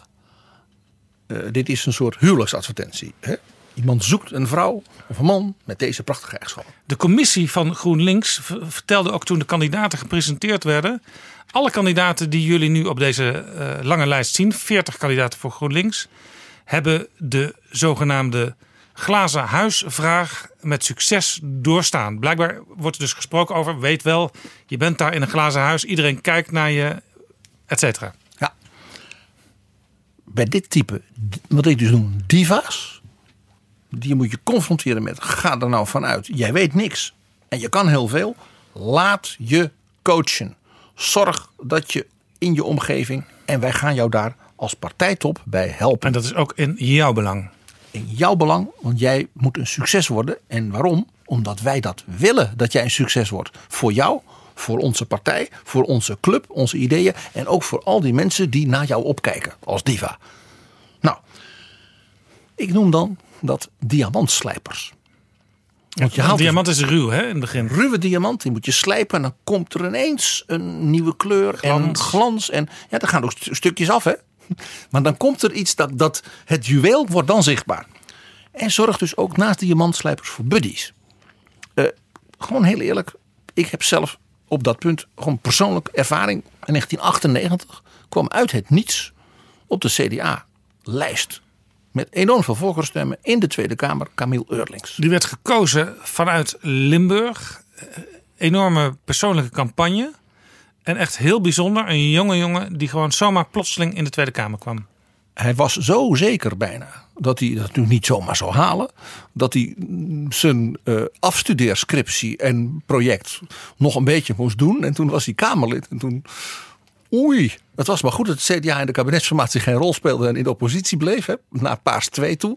Want anders had hij nog van alles moeten doen. Kon hij die zomaar zijn eh, scriptie afschrijven? Ja, die die dan uiteraard cum laude werd hij ingenieur in, in hè, beta-ingenieur in, in Eindhoven. Kortom, een jongeman met heel veel potentie. Maar volkomen onvoorbereid in een aantal opzichten. Eh, eind 20, wat was hij? Ach, 27, 28. Hij wist wel een beetje wat politiek was. Want zijn vader die was gedeputeerde in Limburg. Dus in dat opzicht thuis aan tafel. Maar dat wil nog niet zeggen dat je zelf dan. g- genetica werkt in de politiek lang niet altijd. Kijk naar de familie Marijnissen. Nou, eh, wat gebeurde er? De, zeg maar, de manager van dat proces van buddies, diamantslijpen, coachen binnen het CDA, Wim van der Kamp, nu net eh, neemt hij afscheid als Europarlementariër, die belt mij. En die zegt, ik heb gepraat met Jaap. Dus dat was Jaap de Hoop Scheffer, de fractieleider. En die nieuwe jongen uit Limburg. En eh, die kan heel veel. Eh, maar ja, die helemaal nieuw. Ehm, en die gaan we dus vanwege ook zijn studentenachtergrond. En dat hij dat gewoon hartstikke goed kan. Die gaan we dus het hoger onderwijs laten doen. En de studiefinanciering, die portefeuille. Daar weet jij veel van. We hadden het al even over met Zini Usdeal, met het leenstelsel. Dus jij gaat hem coachen en die ruwe diamant slijpen. Die term heb ik dus van Wim van der Kamp. Ik zei, ja joh, maar wat moet ik met een Limburgse ingenieur? Zei die, precies daarom. Dus niet een andere Limburger. Want je kunt een hoop van mij zeggen, maar ik ben geen Limburgse CDA. Maar iemand die dus op een andere manier met hem om kan gaan. En vanuit de inhoud. Dus vanuit jouw know-how, hoger onderwijs en studiefinanciering. En dan zien we wel. Juist. Dus is de precies- partijleider, dus ja. de partijleider de Hoop Scheffer, liet de manager van dat coachingsproces iemand bellen. Bijna met de order hè, van jij gaat de jongen helpen. Dit is precies wat je noemde al human resource management als belangrijk element. Zoals mensen in die sector kijken, hè, zet juist ongewone combinaties bij elkaar, want dat kan heel vruchtbaar zijn. En Van de Kamp is er ook nog jaren later altijd een beetje fier op geweest dat hij dat had aangevoeld. Ook in de persoonlijke sfeer. Hè? Dus de, de diamantslijper werd ook een beetje buddy. Ja, En dat, was, dat vond hij leuk. Want hij, dat was ook een, een van zijn taken in het CDA. Ja, was lukt met- het, dan straalt het succes ook op anderen af. Ja, en op de partij. En de jongen deed het goed. En, eh, eh, en Wim van den Kamp ja, zag ook bevestigd dat hij niet voor niks de reputatie had van iemand niet alleen met IQ, maar met een ongekend EQ. En dat is een hele bijzondere kwaliteit. Nou, zo zijn er eh, eh, eh, wel meer voorbeelden van hoe dat gaat. Of mensen die dat heel goed kunnen. Mag ik een paar noemen? Ja, Bijvoorbeeld Mariette Hamer. Partij van de Arbeid. Nu voorzitter van de Sociaal-Economische Raad. Jarenlang Kamerlid. Secretaris van de fractie. Secretaris van de partij. Je hoort het al. Dienende rollen, maar wel sturend. Wel op de spin- en het webrol. Niet zozeer naar buiten. Het type wat ik noem onspectaculair onmisbaar. Die trainde, coachte, porde de nieuwe Kamerleden. Zeker ook de vrouwen. Van, van hoe ga je met elkaar om? Waar moet je opletten? Eh, maar bijvoorbeeld ook eh, een, een, een man als Bert Koenders. Een begaafde, maar wel flinke Ja, persoonlijkheid. latere minister van Buitenlandse Zaken. Ja. Nog ontwikkelingssamenwerking gedaan. Zeker. En die eh, was dus iemand die zeer ja, naar haar luisterde. En ook bereid was haar, als dat no- nodig was, fikse kritiek te aanvaarden. Dus zulke mensen, die doen dat achter de schermen. Dat zijn dus de diamantslijpers. En soms ook als zo'n Kamerlid het moeilijk heeft. Ook privé. Dus komen dingen dat ze overspannen zijn. Of, of, of dat het thuis niet gaat. Of eh, dat ze ja, in een debat helemaal afgegaan zijn. Het gevoel hebben, oh, ik, hè, die sector waar ik voor sta, die, wil, die ziet mij niet meer staan. Hè, de gezondheidszorg of de, de mobiliteit of eh, hè, de fiscus. En dan heeft zo'n zo'n coach, die ook een beetje buddy kan zijn. Die kan, die kan je weer Heb je oppikken. nog een naam? Ja, Jan Anthony Bruin. VVD, Eerste Kamer. Eerste Kamer, hoogleraar in de anesthesiologie in Leiden. En ja, zijn bijnaam kort is het brein van Mark Rutte. Toen Mark Rutte staatssecretaris voor hoger onderwijs werd, was deze professor, die ook voorzitter van de onderwijscommissie van de VVD was, werd zijn praatpaal. En dat is een hele leuke, vrolijke man. eh, met veel humor, maar buitengewoon scherp politiek. En dat is, ja, het brein van Rutte is iemand met wie hij alles af kan scherpen, af kan stemmen. En het is natuurlijk geen toeval dat professor Bruin niet alleen Eerste Kamerlid is, maar alle keren dat Mark Rutte lijsttrekker van de VVD was, schreef hij het verkiezingsprogramma. Bijna alle keren. Eh, nou, ik noemde Wim van der Kamp al. En ik, ja, ik heb dus bij de kwestie nu met Zineusdeel. Ja, ja, ik heb echt een, een indringende vraag. Ook in de zin van, want dit is echt rot wat er met zo'n jonge vent gebeurt. Waar was Bram van Ooyek? Ja, we weten niet of Bram een speciale rol heeft gespeeld. Maar in ieder geval uit de berichten komt dat niet naar voren. Dat is een... Of iemand anders. Je kunt ook een andere naam noemen. Ja, maar ik noem echt Bram van Ooyek. Dus de oud-partijleider. Een man met een grote staat van dienst. Ook als topambtenaar. Ja, internationaal beleid. De senior van de fractie. Een man met een soort wijsheid en ook een zekere lichte toets, een zekere humor, die wel naar Klaver. Hè, nou, nam hem mee naar China, heeft er uitgebreid over verteld in Betrouwbare Bronnen. Ja, dus neemt hem mee in de wereld die hij dus als, als diplomaat, als vak kent. En een diplomaat en een wijs man. Nou, echt, ik, ik had zoiets, waar is Bram van Ooyek? Goeie vraag. Dat was wet 1. Bescherm en slijp diva's. Wet 2. Wet 2 is een klassieker die iedereen in Den Haag kent van Ruud Lubbers. Je moet niet wrijven in een vlek. Ook vaak door Jack de Vries eh, aangehaald. Ja, die eh, dan vergeten bij te melden dat hij dat van Ruud Lubbers geleerd heeft. Ja, de- de- er is een ernstige situatie ontstaan. eh, en je maakt hem erger. Dat is wrijven in een vlek. Exact. En je weet dat je dat doet, meestal. Dat is het merkwaardige. Dus het gaat mis. Bijvoorbeeld met zo'n diva, het type Zineusdeal. Of zo'n kandidaat die nieuw is en die, dat je denkt, oh mijn hemel. Blijf dan sereen. Hou het klein. Zeker met zo'n diva. Want als je het niet klein houdt, inperkt, rustig. Dan maak je de diva nog groter dan deze diva van zichzelf vaak al denkt. Ja, we denken nu ook natuurlijk even aan Rita Verdonk. Dat is een voorbeeld daarin. Ik heb wel eens bij, bij Mark Rutte gestaan zo in de wandelgang. En ik dacht, dan zei ik tegen Mark Rutte van... je gaat haar nu toch zeker wel eh, flink de wacht aan zeggen. Nou nee, nee, nee, daar is nog te vroeg voor. En dat was dus eigenlijk, hou het klein. Hou het klein. Precies. Hou het klein. Juist als dus de persoonlijkheid en de uitstraling van de betrokken figuur dus groot is en laat ik zeggen, eh, escalatiekanten heeft.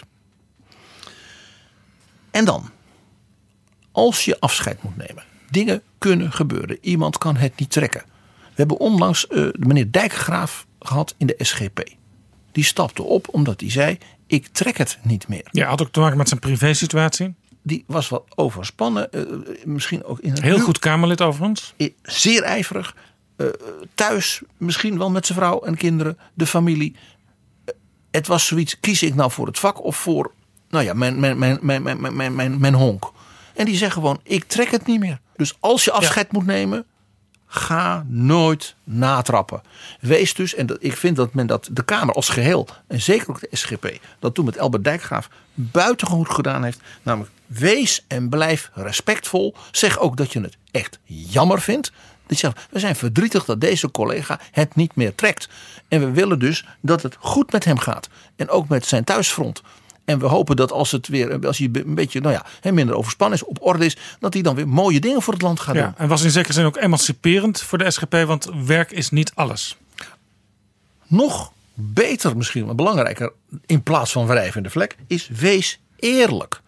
Ga met zo'n persoon, bijvoorbeeld met die buddy coach erbij als partijleider, om tafel zitten. En zeg, joh, jij, ik, wij hadden dit allemaal beter willen doen.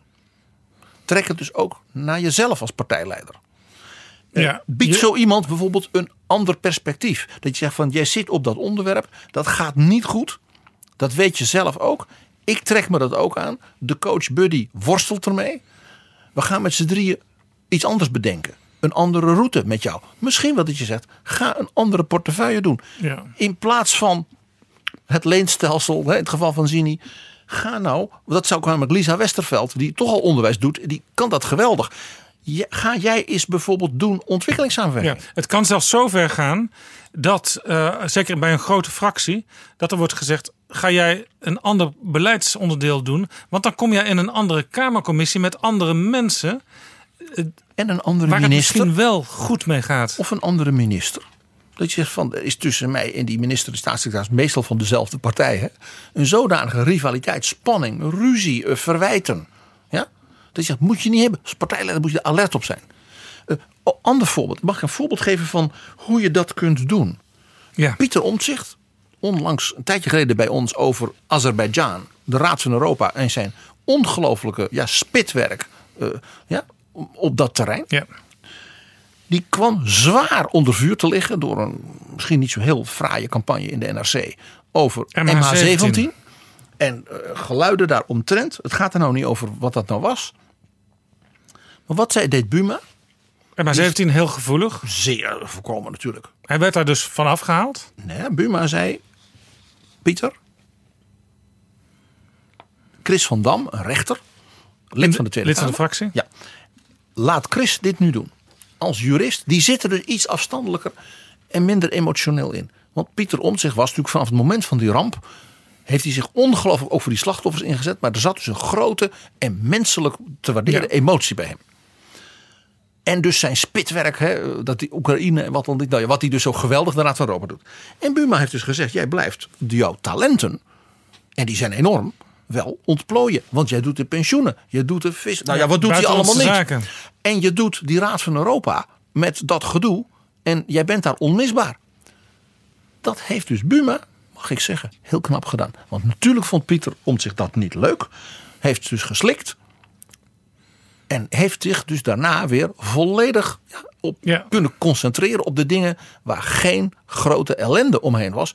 Waardoor hij bijvoorbeeld zo'n Azerbeidzjan kwestie ja, op een manier kon doen. Ja, die, dat is natuurlijk zelden vertoond. Ja, dat is dus eh, niet wrijven in een vlek, maar gewoon kijken: kan je iemand op een andere manier inzetten, zodat hij daar ook op een nieuwe manier en misschien beter gaat glanzen. en niet zo beschadigd raakt dat het iedereen beschadigt. Want één ding, als er sprake is van een vertrouwensbreuk, die term werd in GroenLinks gebruikt, dan zeg ik altijd dat beschadigt allereerst en terecht de leider.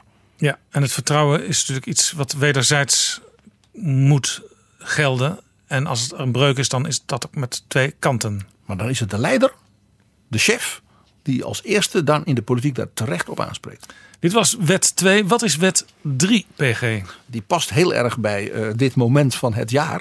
Want dat is die van Oldenbarneveld op het schavot. Beul, maak het kort. Precies 400 jaar geleden. Het gaat ook over mensen die het met elkaar aan het stokske hebben. Deze is dus wel heel erg mooi. Ja. ja. Wat je moet doen in zo'n situatie is ga niet stoerdoenerig. Kijk, mij is leiderschapsvertonen. hè, dus, mm, mensen in de prullenbak gooien. Wat Thierry Baudet deed met meneer Otten, die Oh ja. hem zo gesteund heeft. Maar bijvoorbeeld ook met zo'n meneer Hazewinkelman, die eh, ja, was een soort ideoloog. Maar ja, die raakte dan ineens in de, in de, in de, in de dallas. En meneer Balieu, die dan op de lijst staat. En die mag dan vooral niet in de Eerste Kamer komen. Dat soort stoerdoenerig leiderschap, dat is. pff, nee. Dan bouw je dus ook geen vertrouwen en geen loyaliteit op. Hè, want eh, heden ik, morgen gij, hè, zoals dat heet. Nee, de aanvoerder moet in zo'n situatie vooral zeer geduldig zijn.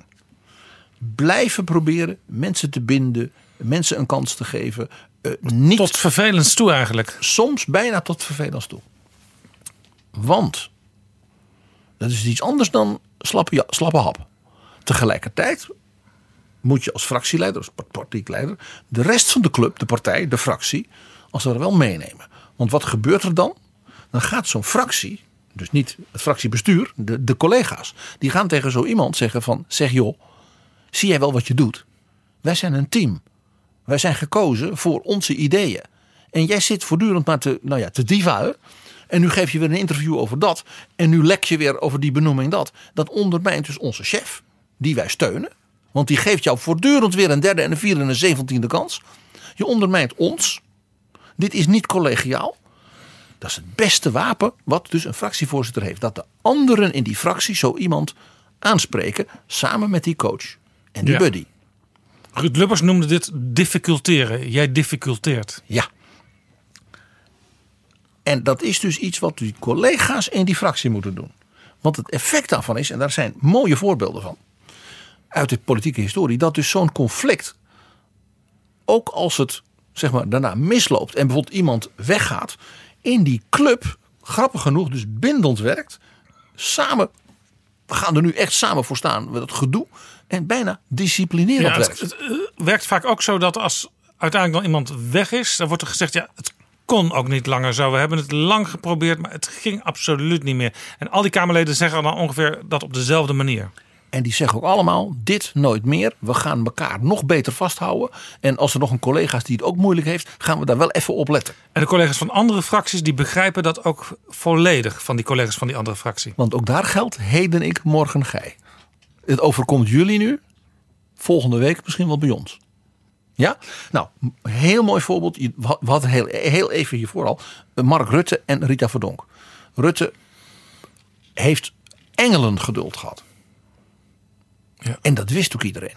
En men had zoiets van: je ziet hierin de HRM-manager van een groot bedrijf. die snapt hoe die dit stap voor stap. Merkeliaans, hè, wat hij graag zo citeert, chariet voor chariet, dat proces afwikkelen. En op een bepaald moment was het zo dat mevrouw Verdonk in die fractie, de nummer twee van de lijst, die meer stemmen had gehad dan de lijsttrekker Rutte zelf, geen vriend meer over had. Zelfs Fred Teven, Charlie Abtroot, Ja. die haar bleven steunen. Ja, tot toen, bijna het laatste moment. toen die zei van Rita, dit is zo oncollegiaal. En zij ging dus voor zichzelf verder, nam dus haar zetel mee. Ja. En toen, ook dat was een vorm van ja, gebrek aan collegialiteit. En het heeft op een bepaalde manier de carrière van Rutte gemaakt. Namelijk zijn geduld, zijn bereidheid tot luisteren naar anderen van nee, hou nog voorzichtig aan. Maar ook zijn leiderschap op het moment dat hij zei en nu is het over. Maar toch zo'n type, type Kamerlid denkt op een gegeven moment eh, dat eh, hij of zij God zelf is. Hè? Want eh, Rita Verdonk kreeg op een gegeven moment in peilingen zelfs eh, 26 of meer zetels. Nee, maar toen, toen was ze al weg. Oh, toen was ze al Ja, eh, nee, groep Verdonk. Nee, het gaat nu niet om. Oké. Dus, dus gewoon dit. En dan, eh, nog een ander voorbeeld. uit een andere partij. Je had in het CDA de loyalisten. Ook wel dissidenten. Ja, die- eh, Wim Kan zei royalisten met een slok op. De Ja. loyalisten. Juist. Eh, hij dacht waarschijnlijk ook weer aan die Jenevercrisis van de ARP, waar we het eh, al eens over hadden. Waar hij dus het lied Lijmen Jan. Ja, die man had ook geheugen. Eh, net als de luisteraars van Betrouwbare Bronnen. Nou, Ruud Lubbers was fractieleider. Hield die club bij elkaar.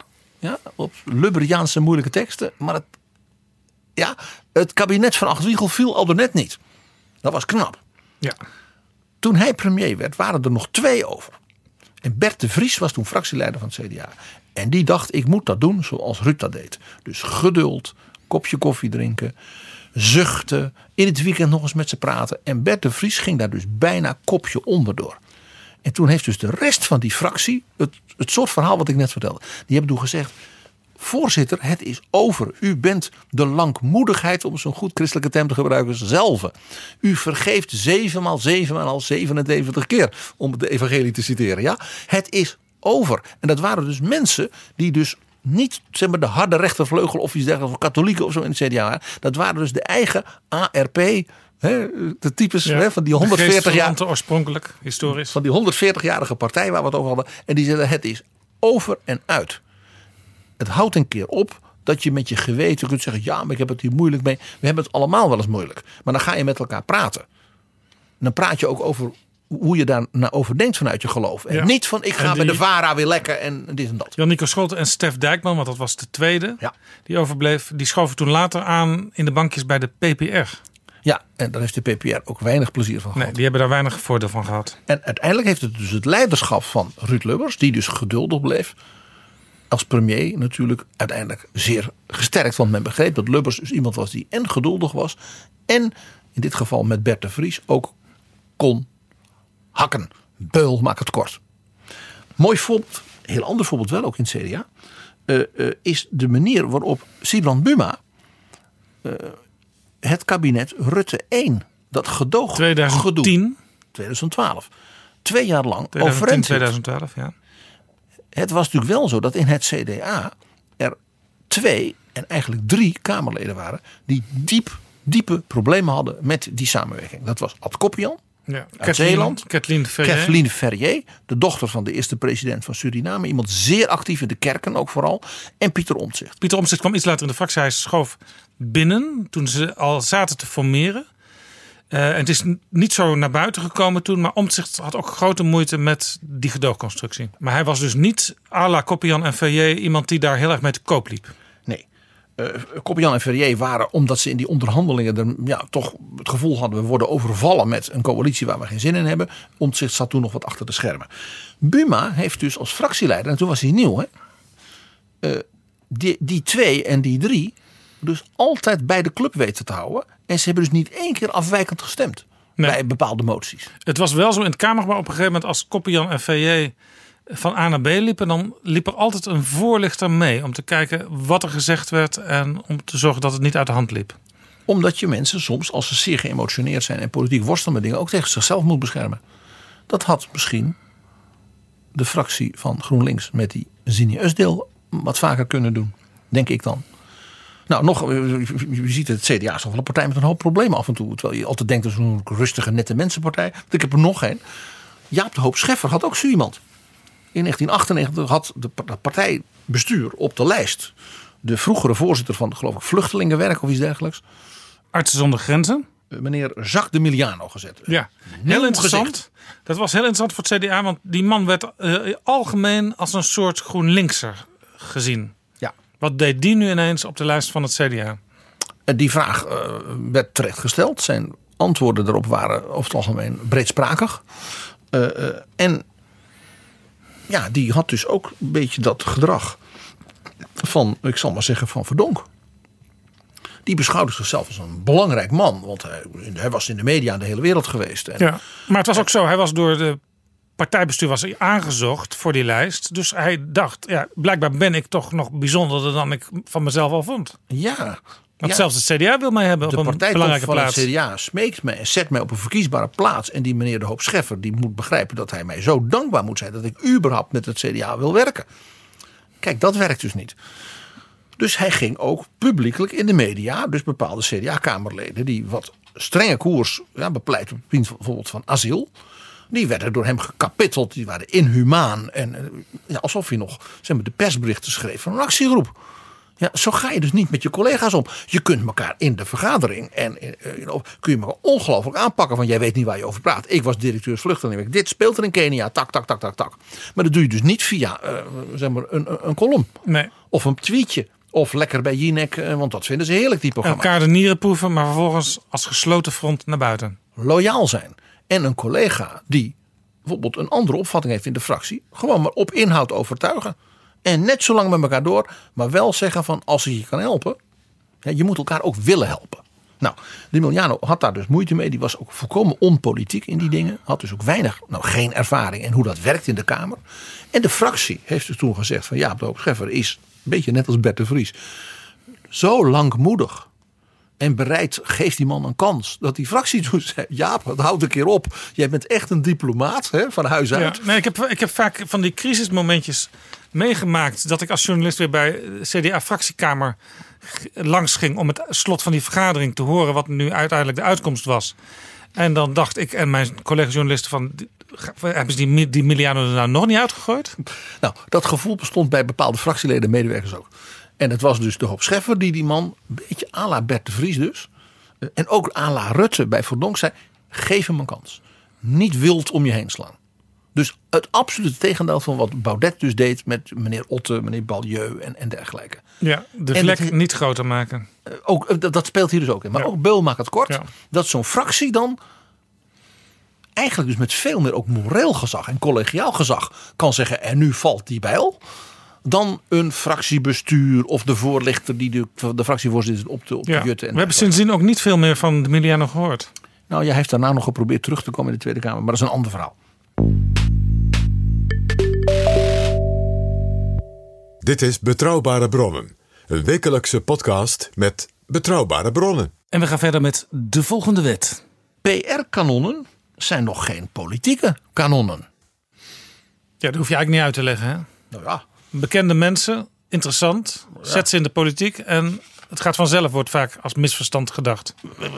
Precies, mensen die zoveel aandacht weten te trekken met hun columns. Eh, of eh, als opiniemaker, wat een geheel nieuw begrip is. Of eh, als mediatype. Ja, Ja. wij zitten ook af en toe op, als opiniemaker op de nationale radio. maar dat is een reden te meer om geen Niet in de politiek. pretentie te hebben dat je zo nodig Kamerlid zo moet worden. Maar je hebt ook mensen, toppers van de wetenschap, die waar je zegt: wat geweldig die vrouw of die man, wat die allemaal weet op dat terrein. We maken hem een Kamerlid. Of staatssecretaris of minister.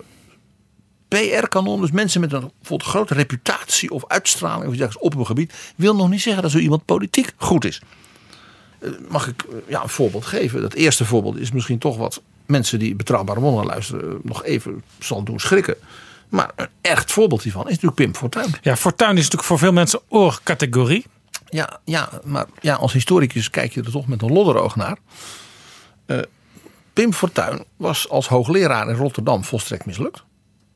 Ze hebben hem gewoon zijn leerstoel afgenomen. Daarna werd hij de lijsttrekker. Hij was columnist. Hè? Elsevier, deed praatjes. eh, in het hele land voor het MKB. En verdiende daar een warme boterham mee. En liet zich vervolgens kronen tot lijsttrekker van Leefbaar Nederland. Door Jan Nagel. Dat is bijna iedereen vergeten. Ja, die kregen ruzie over, over inhoudelijke fundamentele zaken. binnen enkele weken. Hij trad aan eind november At your service. at your service. En was het niet 1 februari? Interview in de Volkskrant, voorpagina nieuws. En dat weekend was over. Ik wil artikel 1 van de grondwet ter Nou ja, en discussie nog stellen. allerlei andere dingen. Het was over. Nou, eind eh, november, dan heb je de maand december. Dat is Sinterklaas, dat is kerst. Eh, dan heb je die eerste week van januari, gebeurt er ook niet. Als je dan op 1 februari al gewoon afgeserveerd wordt als lijsttrekker. Niet als een kandidaat waarvan je zegt, nou, dat had misschien niet helemaal. Dat is wat hoor. Nou, vervolgens begon hij voor zichzelf. Eh, en laten we eerlijk zijn, wat hij om zich heen verzamelde. Wat wij dus kennen als de LPF-fractie. Dat waren zijn mensen. Het was een verzameling non-valeurs. En dan ben ik nog voorzichtig. En dat neemt niet weg dat zijn lot in menselijke sfeer gruwelijk is. Ja, zeer te betreuren. Gruwelijk is. Maar als voorbeeld van een PR-kanon is nog geen politiek kanon, is hij bijna klassiek. Ja. Mag ik een heel ander voorbeeld geven? Vrij recent. zo'n typische opiniemaker waarvan iedereen zegt: oh, nou, dat zal wat worden. Annabel Nanninga, Amsterdam. Gemeenteraad, Groot Amsterdam, op Twitter. groot op Twitter, eh, eh, voor het Forum. Ja. Komt van geen stijl vandaan ook. Ja. Nou, ze zit in de Amsterdamse Raad. Volstrekte stilte. En er is een le- leuk onderzoekje onlangs Dient veel gedaan. moties in, begrijp ik. Maar ja, ik lees er niet over in de krant. Nee, en, en, en nou ja, dat, dat onderzoekje naar hoe gaat het nou inderdaad in Amsterdam, had één heldere co- conclusie. Het Forum is gewoon een bijwagen van de VVD. Als de VVD iets vindt, dan vinden zij dat ook. Ja, VVD zit in de oppositie, dus die hebben ook een andere positie dan de afgelopen bestuursperiode. Ja, maar ja, de VVD wil wel als, ja, een beetje meedoen. En, ja, ja, ja, een PR-kanon is nog geen politiek kanon. En het derde voorbeeld, ook weer een hele andere partij. Ronald Plasterk. Als wetenschapper oorconcours. Briljant. Ik zal je eerlijk zeggen, wat hij deed in het Hubrecht Instituut in Utrecht behoorde tot de absolute wereldtop.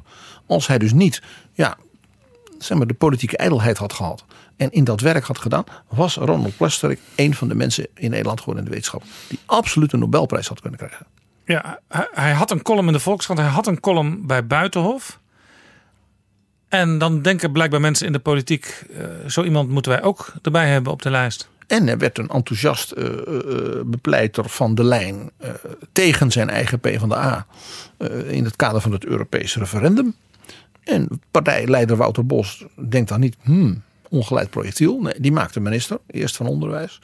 Dan is hij een tijdje Kamerlid, daarna minister in het vorige kabinet. Binnenlandse Zaken. En op beide En posten, op de beide posten heeft hij, het, heeft hij het echt gewoon niet goed gedaan. Hij staat bekend op die beide ministeries als een van de zwakste ministers in, van de voorbije jaren. Ja. En dat is jammer. Ja, maar die- want het is een zeer sympathieke man. Maar, en maar, maar ik, ja, misschien dat zal in mijn achtergrond in de wetenschap en hoger onderwijs zijn. Ik zeg, wat een zonde. Het soort ontdekkingen wat hij nog had kunnen doen. Hij, wat hij nu weer doet. Hij zit nu met een, geloof ik, een soort start-up bedrijfje. Op het gebied van een hele geavanceerde medicijnontwikkeling. Nou, daar word ik dan weer blij van. Van wat heerlijk dat hij zijn talent op dat kent. En dat is echt geweldig. Ja, ja. Toch nog weer kan toepassen. Dus eh, een Robert Dijkgraaf, waarvan we weten dat hij eh, lid is van D66, die moet dus geen minister worden. Robert Dijkgraaf is een geweldenaar. Ik ben dol op hem. Een geweldige man. Maar je moet het die man niet willen aandoen dat te doen. Natuurlijk zijn er mensen uit de wetenschap die bijvoorbeeld bestuurlijk, politiek, ja, grote kwaliteiten hebben. Dat is prachtig als dat kan. Maar het is de grote uitzondering. Dit was wet nummer 4. Wat is wet nummer 5? Vermijd zelfbenoemde gewetens. De verleiding die politieke partijen hebben, de, vaak het partijcongres ook, ja, de afdelingen, om iemand neer te zetten die dan niet veel politieke ervaring heeft, maar waarvan men in de partij dan zegt: ja, die vrouw, die man, jongen, jongen, jongen, die kan het zo goed vertellen. Iemand die heel bijzonder is als je haar of hem ziet. groot charisma. Ja, eh, heeft eh, op de televisie dan net dat ene woord. En waarvan de strategen vaak denken, daar winnen wij misschien wel 6, 7, 8 extra zetels mee. En mensen met wat ik maar noem een gezwollen zelfbeeld. Want iedereen vertelt dat ze geweldig zijn. En was ja, een beetje al de Miliano, hè, waar we het net over hadden. ja, maar dat, ja, ja, die had dat ook wel een beetje. Dat het, wat, vooral het zelfbenoemd geweten. En charisma. Ja, dat soort ja, termen die dan vallen. Eén ding moet je altijd onthouden. Als zo iemand in zo'n, ja toch, eh, MKB-omgeving, laat ik het maar zo zeggen, van zo'n fractie komt. Het zijn allemaal MKB'ers. Hebben allemaal een winkel. Kleine zelfstandigen. Ja. Voor hen geldt van nature dat solidariteit, elkaar wat gunnen, eh, samenwerken, niet het eerste is waar ze aan denken. En charismatici zijn er voor zichzelf. Ja, en ze kijken elke dag weer zoals de winkelier kijkt wat er in de kassa is overgebleven. Wat is het eh, positieve saldo van deze dag en vooral ook weer het mediasaldo. Voor hen is politiek bedrijven toch veel al de branding van hun eigen morele superioriteit. Dan wel hun ja, uitstraling. Vaak moeilijk te, te- duiden, maar je, begrijpt. En daar zijn voorbeelden van, waarvan ik dus zeg in de wet is: vermijd zulke mensen in de politiek. Ik zeg dus niet dat die mensen niet deugen, voor alle helderheid. Maar zet ze niet op politieke functies. Want dit is een zo ander soort wereld. Met ander verantwoordelijkheidsbesef. Hè, waar je dus nou ja, geven en nemen. Leven en laten Wat is leven. hiervan het beste voorbeeld? Ayaan Hirsi Ali.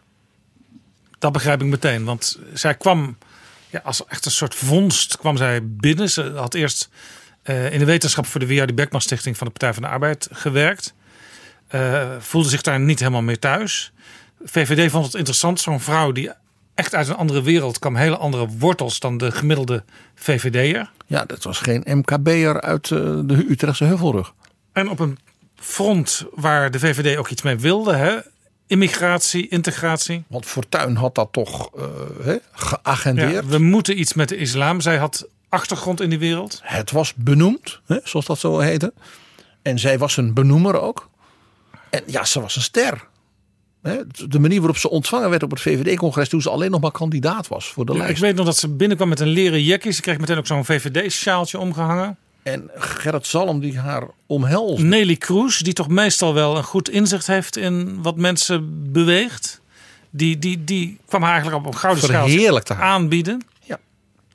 Nou, ze werd Kamerlid. Eh, haar maiden speech was al meteen raak. Ontwikkelingssamenwerking was haar portefeuille. De begroting deed zij. En ja, je weet, bij een maiden speech mag je niet geïnterrumpeerd worden.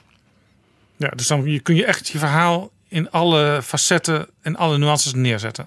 Gedurende die zoveel minuten die je daarvoor krijgt. En dan na, na het eind van die speech krijg je een hartelijke eh, woorden van de En Kamervoorzitter. bloemen van je En fractievoorzitter. bloemen. En dan wordt er even geschorst. En dan word je gefeliciteerd door de collega's. Ik vind dat zelf een van de allerleukste zeden in de Ja, Tweede het is echt een, een heel huiselijk, bijna dorpstafereel wat je dan ziet. Ja, ook, maar ook iets heel staatsrechtelijks. Je zit daar allemaal voor de Nederlandse samenleving. En je Ja. doet allemaal je En het best. is een grote eer om dat te doen. En te je mogen doet doen. allemaal je best. En er zijn dus niet eerste, tweede en derde rangs Kamerleden. Dus elk Kamerlid dat zijn medespeech doet, wordt dus door de hele Kamer, de voorzitter en natuurlijk vooral ook zijn eigen fractie, maar de hele Kamer gaat er dan echt voor staan. Ze worden, krijgen een klapzoen, ze krijgen een, een bloemen. Ja, er wordt ook vaak in de wandelgangen van, van andere fracties gezegd van... jongens, even naar de zaal, want dadelijk is het medespeech. En, En dat is van iemand eh, van een andere fractie die men nauwelijks nog ja, kent. en daarna ga je gewoon weer door met je agenda en met je andere dingen. Wat gij niet wilt dat u geschiet, doe dat dan ook de ander niet. Je gunt dat, hè, dus die gunfactor van de solidariteit der Ja, democraten. en dat is dan ook vaak zo'n moment in het... eh, als je Politiek 24 aan hebt staan... wat je als politieke junkie natuurlijk vaak in een hoekje van de Kamer aan hebt staan... dat, dat de Kamer ineens heel vol is... en dat er even een minuut of 10, 15 geen debat is... omdat er eh, omhelzingen zijn, felicitaties. Ja. Familie En dan- erbij. En ook dat, hè, foto. En de voorzitter weet dan ongeveer, een go- een goede voorzitter zoals mevrouw Ariep, die voelt dat dus haar fijn aan. Wanneer het moment is van, we gaan hervatten. Hè, en dan nog even knikt naar die familie daar. Ja, zwaaien. Dat, dat is een stukje hoofdsheid bijna, middeleeuws. Maar dat hoort zo. Nou, wat deed Ayaan? Die hield die medespeech en dat was een ongelooflijk provocerend verhaal. Ze zei eigenlijk dat de mensen in de derde wereld hun, hun, eh, hun broek moesten ophijsen. En de islam deugde niet. En dus de linkse partijen, en of ook de andere partijen, konden dus niet interrumperen. Dus die zeiden, dit is dus, mevrouw maakt gebruik van deze goede en hartelijke zeden. Om gewoon te stoken en in de media een nummer te maken. Dat viel dus meteen niet goed. Het was duidelijk ook daarna dat mevrouw Hirsi Ali niet was geschikt voor het handwerk van de politiek. Voor de media, het was een ster en ze maakte een film meteen over Gogh en wat al niet. Daarvoor zit je niet in de Tweede Kamer. En nou ja, het liep met haar slecht af, om maar zo te zeggen. Mede dankzij Rita Verdonk, haar partijgenoot. En geestverwant binnen de partij. Dat maakt het natuurlijk extra bitter. En ja, de, de, de tragiek dus van de persoon Ayaan is hier vooral ook mijn punt. Een zelfbenoemd geweten die dus volkomen los raakt en eigenlijk nooit landt. Nee, ze is nu al jaren weer in Amerika werkzaam bij een eh, politieke denktank. Eh, af en toe verschijnt er een interview met haar of een essay van haar in een Amerikaans blad. Maar eh, Nederland bezoekt ze eigenlijk nooit meer. En een interview is heel zeldzaam geworden. Ze had laatst verteld dat ze moederlijke gevoelens had gehad bij Thierry Baudet. Nou ja, iemand moet het doen. Nog, nog iemand, eh, heel andere partij, eh, heel andere achtergrond ook mevrouw Desiree Bonis. Ja, goede diplomaat was ze en is ze nu opnieuw. Maar ze zat eventjes in de Partij van de Arbeid-fractie en daar ging het niet goed. Ik heb dat van nabij meegemaakt. Eh, toen, als ik me goed herinner, waren eh, de eerder genoemde Bert Koenders en ook Frans Timmermans eh, in het kabinet gaan zitten. Zij kreeg dus vrij snel een belangrijke portefeuille in de buitenlandhoek. En daar had ze ook hele eigenzinnige opvattingen. En dat werd niet door de Partij van de Arbeid geaccepteerd. Kijk, eigenzinnige opvattingen, dus een zekere originaliteit, zeker vanuit eh, zeg maar, dossier en vakkennis, in dit geval als diplomaat, dat is helemaal niet verkeerd. Maar het moet wel in de week gelegd worden binnen de context van zo'n fractie. Als je jezelf natuurlijk presenteert als ja, Frans en is weg en eh, Bert is weg en ik ben de enige eigenlijk die begrijpt hoe het in het buitenland gaat. Ja, als je die houding aanneemt, dat werkt niet. Het is ook zo'n zelfbenoemd geweten. Ik ben de deskundige en jullie tellen niet mee. Nee. Ja, toch ook wel eens de fout van mensen die de lijst samenstellen. Want die denken dan, ja, iemand van buitenlandse zaken, die moeten we er ook bij hebben. Dat moet ook.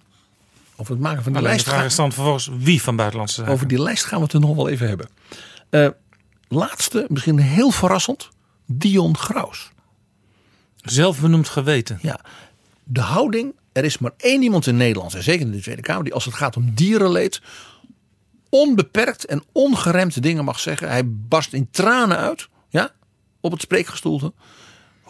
Dus zijn authenticiteit, die ja, op dit terrein. Ja, en ook altijd eh, teksten als: waarom heeft niemand dit nou gezien? Waarom ben ik nou de enige geweest? En ik heb er toch vier jaar geleden een motie over ingediend. Ja, die heeft verder niemand gesteund, maar ik zag het al en ik kan het blijven herhalen.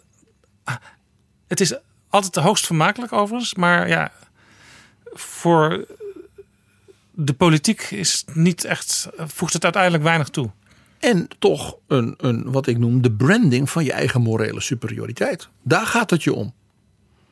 Want als meneer Graus eh, aangesproken wordt op andere dingen. Dan is hij beledigd, dan blijft hij weken weg uit de Tweede Kamer, want dan is er weer wat privé. En als hij dan terugkomt, dan zegt hij: Ja, dat is alleen maar omdat ze mij niet gunnen dat ik opkom voor die dieren. En dan komt dus dat hele. Typisch zo'n voorbeeld. We gaan naar wet 6. Ja, die komt uit Amerika. DC is Hollywood for ugly people. Politiek is showbiz voor lelijke mensen, hoor ik wel eens in Nederland. Ja, die komt daarvan. Bekende fout die politici, politieke partijen maken. BN'ers in de politiek halen. Mensen die, zeg maar, eh, tv-persoonlijkheden. Ja, Hollywood uitstraling. Ja, zelfs de Partij voor de Dieren, die toch, zou je kunnen zeggen, een heel principiële club is. Die hebben heel vaak lijsten gemaakt waar de hele onderkant bestond uit Kees van Kooten, ja, noem ze allemaal maar op. Hoogst respectabele bekende Nederlanders, maar toch inderdaad geen mensen die je anders in de politiek zou, zou zien dan persiflerend. Waarbij het dus ook dan heel duidelijk is dat dat gewoon vulsel is om eh, eh, hun fans te verleiden erop te stemmen. Want het is niet de bedoeling dat zo iemand in de politiek komt. Maar ik bedoel nog, nog verder. Het gaat nog erger. Er zijn mensen die dus dat, hè, die kant hebben. Die st- sterk mediamieke, eh, ja, beroemd omdat ze beroemd zijn. Dat je niet precies weet waarom. Maar het is, ja, het heeft hè, glans. Ik, ik, ik weet er eentje aan de andere kant van de plas. Ja, we we gaan het ook zo over hebben. Ik noem dit in Nederland, want ja, we hebben natuurlijk geen Hollywood. Dat is de verhilversummisering van de politiek. Entertainment, de paraphernalia van de politiek, die, die worden dan verward voor iets anders. Namelijk, zo iemand kan dingen echt zeggen. Die benoemt een onderwerp. Dat is iemand die agendeert. Of nog erger, hij, komt met, hij zij komt met ideeën. Ja, je, je hoort het ze zeggen. Je, je herkent het Ja. Laat ik het anders zeggen. Wie in het Mediapark als een vis in het water zijn, moeten vooral niet op het droge willen zwemmen. Die, die lijsten we in. Wie in het Mediapark als een vis in het water wil zijn, moet vooral niet op het droge willen zwemmen. Die geven een plaatje ergens op het binnenhof. Ingelijst. Na de verbouwing of zo. Als een soort, soort, soort wand, lichtkrant. Nou, eh, je begrijpt, ik zeg het wat ironisch. Want dat verdient het onderwerp ook wel een beetje.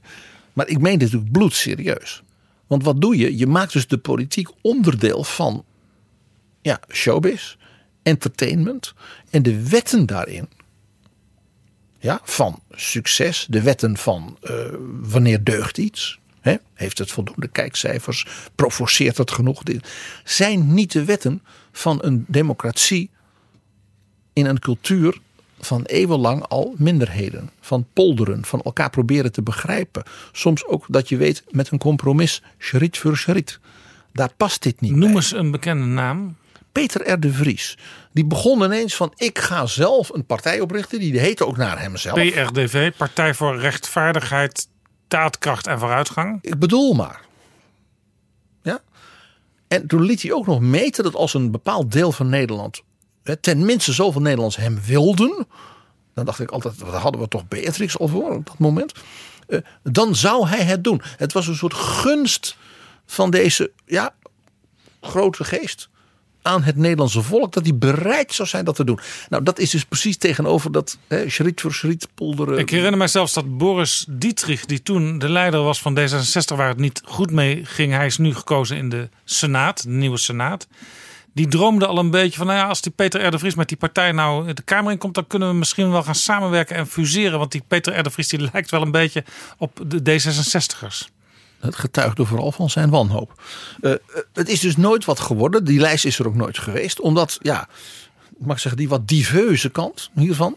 eh, ja, mm, dat werkte dus volkomen niet. Ik heb nog een ander voorbeeld, actueler. Theo Hiddema. Theo Hiddema, die, die ook gekozen is in de Eerste Kamer, maar zijn zetel niet gaat innemen. Nee. Maar die is natuurlijk op die lijst gekomen. Omdat die natuurlijk een ja, epatele bourgeois in alle, in alle praatprogramma's. Eh, jij had onlangs eh, ook in, in, in Betrouwbare Bronnen een... Harry Mens. Ja, een, een, een, een fragment met Harry Mens. Ik bedoel, het heeft natuurlijk inderdaad entertainment value, paraphernalia. Maar het gaat niet over de, de publieke zorgen in Nederland. Hoe kunnen we dingen beter maken?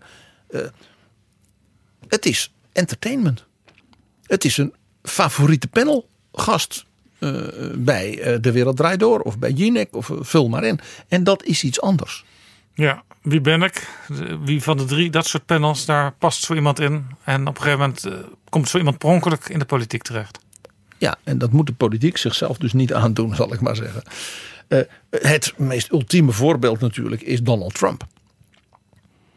Donald Trump is in Amerika niet zo beroemd eh, om zijn vastgoeddingen. Dat weet bijna niemand in Peoria, Illinois en Des Moines. En, en, en eh, eh, met het Independence, Nou ja, Missouri. veel mensen denken die man is uit zichzelf rijk geworden. Die zal dus ook wel weten hoe Amerika opnieuw rijk kan worden. En dat weet men niet doordat men dat leest in de kranten over vastgoed in New York. Want echt hoor, als jij in Gallup, New Mexico woont, dan lees jij over Gallup. En misschien een beetje over hè, de hoofdstad Santa Fe. En dat was het dan. Ja, bovendien, Nee, men kent hem van Televisie. de televisie. Van reality shows, van The Apprentice. You're fired. Want hij is een wereldberoemd miljardair ondernemer. Die dus normen toepast uit het sociaal-darwinistische wrede bedrijfsleven. En zo is hij politicus geworden en president. En tot de dag van vandaag is het iemand van de normen van een Wild West vastgoed bedrijfsleven. ja. Het verhaal over het Mueller Report dat ik onlangs hè, in Betrouwbare Bronnen deed. Over de merkwaardige verbindingen in de entertainmentwereld. Met de popzanger Emin Agalarov van het Eurosongfestival uit Baku. Ik bedoel, je verzint het niet. Je verzint het niet. Ja. Dat, is dus, dat zijn dus normen van een andere aard. Uit andere werelddelen. eh, eh, wat ik dan maar noem in Nederland de verhilversummisering. Nou, Bono, mag ik dat ook noemen? Ook zo'n, die, oh, die komt altijd zo vreselijk op voor de, voor, voor de armen, de zieken, de leprozen en wat dan niet. Maar ja, hij zit ook aan de Zuidas, want stel je voor. Do they know it's Christmas? Ja. Ja, hè, dus ook zo iemand dat je denkt van, hij zal het misschien wel goed bedoelen, maar moet je niet bij hebben. En maar, er is ook een vreemde neiging in Nederland om sporters eh, eh, als een soort rolmodel. En die worden ook in de politiek gezet. Ja, we kennen natuurlijk Erika Terpstra als, als oergestein van dit. eh, Ja, maar. Denk eens aan Yvonne van Gennep. Volgens mij, dat was een schaatster hè? En die had dan allemaal van die medailles. CDA toch, denk ik? Jazeker, en die werd voor het CDA. die dingen, dingen doen geloof ik in de gemeenteraad of in de Provinciale Staten. Nou, dat is verder niks geworden. Nu, in de Eerste Kamer zit nu een schaakkampioen voor het Forum. Luc van Wely. Ja. Eh, Nou weten we dat politiek driedimensioneel schaken is. Als je het goed doet. Maar hij doet toch op dat bord. En dat is echt alleen maar twee dimensies. Nou, dan hebben we. Ik zal ook nog eens een keer een ondeugend ding uit de geschiedenis van het CDA le- releveren. Het CDA heeft echt getrokken aan ene Louis van Gaal. En Louis is ook zo iemand met, ik zal het zeggen, een, een, een zeer eh, gezwollen zelfbeeld. Hè, van, ik zal maar zeggen, wet nummer vijf. Vermijd zelfbenoemde gewetens. Ben ik nou zo slim of zijn jullie zo dom? Precies. Wie ziet die beste van Duitsland? Lederhozen. Ja. E- Eén klein dingetje over eh, Louis van Gaal. De Duitsers waren op een bepaalde manier dol op hem. En een van de, hij heeft een van de meest bijzondere prijzen die een Nederlander bijna nooit krijgt gekregen. Nou, de prijs van het, zeg maar, genootschap voor de Duitse taal. Omdat hij zei, als ik nu trainer ben van München. Want hij was München, hè? Ja, ja, Ja. Beieren, ja. Ja. En toen zei hij, ik kan geen goed Duits. En die jongens van mij, die komen uit Brazilië en, eh, en die kunnen het ook niet. Ik praat Duits en zij moeten ook Duits en we gaan allemaal cursussen volgen. Want je moet als je in zo'n land speelt en je speelt in München, dan moet je je best willen doen. Want de fans en de mensen, die moet je te woord kunnen staan in hun taal. En dan is het maar geen goed Duits, maar het is wel, dat is je plicht. En hij bracht, dus de, eh, hij bracht dus de Duitse taal ook allemaal prachtige nieuwe uitdrukkingen. Das is der Tod oder die Gladiolen. De Duitsers hadden geen idee waar hij het over De had. Duitsers die, die waren al zeer ingenomen eh, tientallen jaren daarvoor met Rudy Karel. En Linda dit, de was, Moor, dit ging wel, ja, maar Linda die sprak wel echt Duits, denk ik. Maar- Sylvie maar, Meis. Maar dit was echt Rudy Karel in het kwadraat, kwartaal. Eh, hij, eh, ja, eh, Louis van Gaal had dus een, al een heel eigen Nederlands. Nou, hij had geloof ik ook een heel eigen Engels later. Maar zijn Duits was dus een, ja, een verduidst soort Amsterdams. En de Duitse eh, media vielen dus als een blok voor Louis van Gaal. En dat hij dus zei, als je in dit land komt werken, ook als sportman, doe je je best. En ik als trainer ben daar ook niet goed in, dus we gaan een cursus met z'n allen volgen. Dat heeft dus dat genootschap toen zeer gewaardeerd. Hij was dus een rolmodel voor andere ondernemers. En denken ze van, doe nou je best. Want de Duitsers waarderen iemand, ook als het geen fantastisch Duits is. Dat hoeft niet. Maar men waardeert dus de respect voor de cultuur, voor de taal. En voor de mensen waar je bent. Acht wetten, we hebben er zes gehad. Wat is wet nummer zeven? Neem je verlies.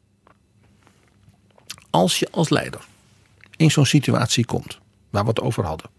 Met bijvoorbeeld Zini Eusdeel, maar ook met Rita Verdonk met Rutte en de voorbeelden die we gaven.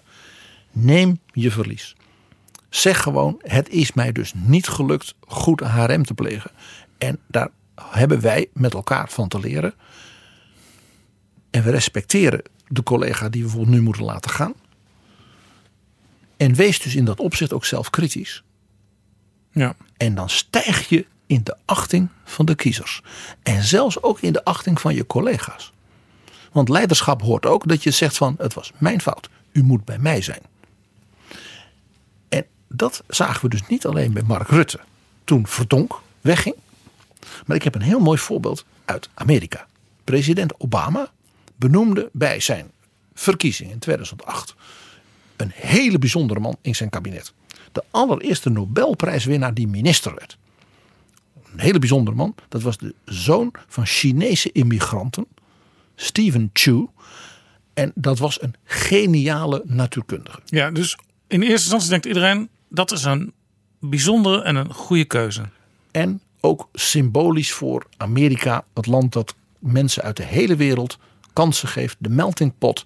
Maak iets van je leven, maak iets van je talent. The American Dream in optima forma. Hij maakte een minister van Energie. Want hij had een, de- laatste tien jaar voordat hij minister werd, een enorm instituut gebouwd in Berkeley, in Californië, voor het oplossen van energievraagstukken. En de man was briljant. Stephen Chu. Stephen Chu. Hij werd minister. Eh, de hoorzitting met de Senaat. Men lag ja, op de knieën. Aan zijn lippen. Want hij had een fantastische presentatie. Hoe je naar het vraagstuk moest kijken. Wat hij met zijn briljante studenten, promovendi, met bedrijven die dit steunden, had ontwikkeld. Dat kon Amerika nu toepassen. Men dacht, geweldig. Het probleem was, hij bleef dat vertellen voortdurend. Hij ging dus al door als een soort docent uitleggen wat energie was. En ja, dus je kreeg eerst uitgebreid natuurkundig college. En na tien minuten merkte hij dat de ogen natuurlijk wat glazig werden van de, van de president en van de collega. En dan werd hij geïrriteerd. Dus de plannen die hij had en de ideeën die hij had, het energiebeleid van Obama, heeft hij uiteindelijk gemaakt. En heeft dus een wende in Amerika veroorzaakt. Maar hij had dus niet, ja, hoe zal ik dat zeggen, eh, die politieke handigheid, die eigenschappen om dat over te brengen. Want in de politiek is het vaak zo, je loopt even bij elkaar binnen, een paar minuten, even de essentie van wat gaan we doen, hoe ga je dat invullen, wie ga je daarvoor benaderen, klaar, volgende onderwerp. Het overleg van Stephen Chu met Barack Obama op het Witte Huis, dan had dus de president 20 minuten of een half uur, dat was veel. En dan had hij sheets bij zich. En die had de president de vorige keer niet, niet gezien, want het was toen te druk. Dan ging hij die sheets nog een keer behandelen. En Obama, eh, zelf een vrij cerebrale, zeer intellectuele man, die, ja, die raakte ook een beetje geïrriteerd. En het mooie is dat Obama hem dus vier jaar heeft laten zitten. Hij heeft heel snel een onderminister benoemd. Een minstens zo briljante man uit Harvard. Maar met politiek bestuurlijke ervaring in die faculteiten en in bedrijven. En die heeft dus als het ware de, het genie Stephen Chu als het ware afgeschermd van. Dus die kanten waar hij niet goed in was. Heeft hem dus wel laten optreden. Ook op internationale conferenties en dergelijke. En na vier jaar heeft, die, heeft president Obama natuurlijk een prachtige medaille. Want hij had Amerika zeer geholpen. Dat energiebeleid was naar inhoud, mede door die onderminister natuurlijk, een groot succes. Die onderminister is daarna vier jaar minister geweest. En Stephen Chu is met eer gegaan. Ja, dus De president nam manier. zijn verlies en Obama begreep het is mijn fout. En ik ga hem niet slachtofferen. De laatste wet, wet nummer 8. Wees spijkerhard bij zetelroof. Ja, iemand vertrekt uit de fractie, maar niet uit de Kamer. Start een eigen fractie, die in de Kamer altijd merkwaardigwijs de groep puntje puntje wordt genoemd, ook al is het maar één persoon. Ja. Ga dan als fractieleider, eh, als eh, partijleider, als fractiecollega's niet miezenmuizen. Of ja, ja, jammer nou, dit en dit. Nee. Hier ben ik hard in, in mijn analyse. Ik vind ook dat je dat moet zijn dan.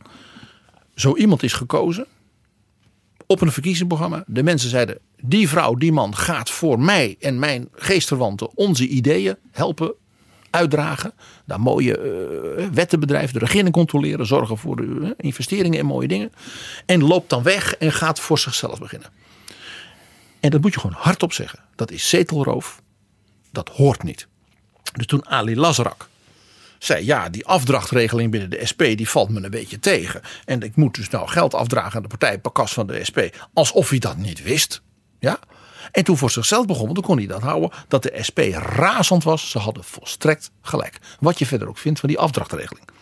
Toen Geert Wilders onder het mom van ik ben tegen Turkije in de EU en daarom ga ik uit de VVD-fractie. Als woordvoerder sociale zaken. Ja? Toen nou en nam zijn zetel mee.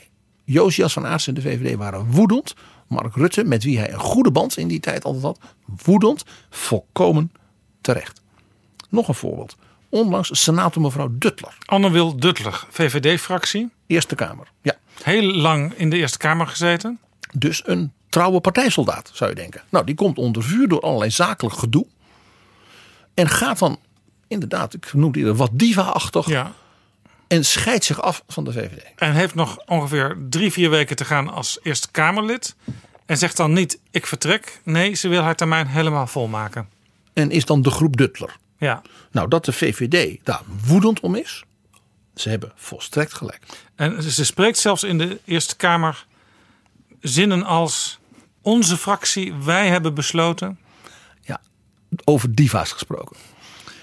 Een ander voorbeeld, ook actueel. Een Denk ontstond uit een afsplitsing van twee Kamerleden van de PvdA. Kuzu en Usturk. Ja, en die waren boos op meneer Ascher. Op zijn ideeën en visie en beleid op ten aanzien van integratie. En die hebben zich dus afgescheurd. En wat, tot wat ik maar noem een soort Osmaans nationalistische fractie. Dat de PvdA daar woedend om was, volkomen terecht. Zij hadden met hun achterban, met mensen die hun ideeën deelden en zorgen hadden over Lodewijk Asscher, Asscher moeten aanpakken. Dan kon die best tegen. Ja. Ga dan zo iemand stevig aanpakken. Bij de- Discussie in een partij is prima, maar deloyaal, dus je- in feite de kiezers belazeren, want dat is het, dat doe je niet. Bij de PVV zijn ook heel wat mensen uit de fractie gestapt en voor zichzelf verder gegaan. En toen riep Wilders meteen ook zetelroof. En daar had natuurlijk Wilders als enige lid van de PVV natuurlijk geen poten op te staan.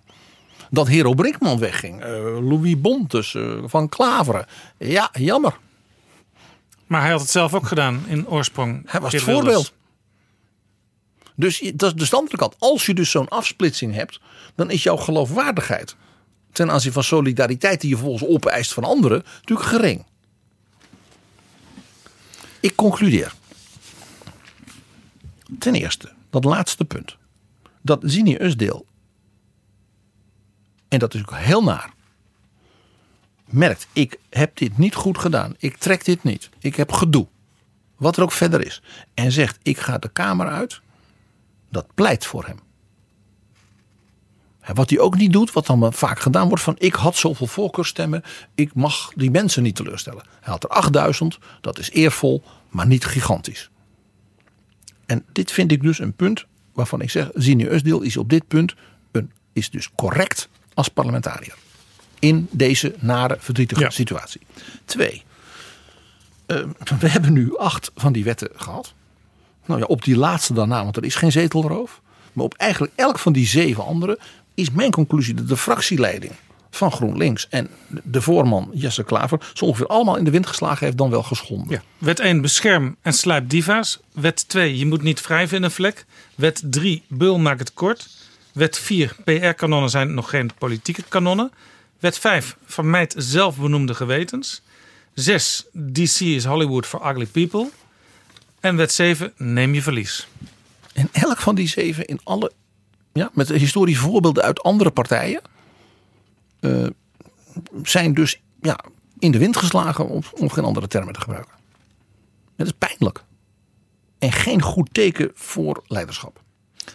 Elke nieuwe leider, geldt nu ook even voor Pieter Heerma bij het CDA... en voor mensen die eh, aspiratie hebben bij andere partijen... Rob Jetten.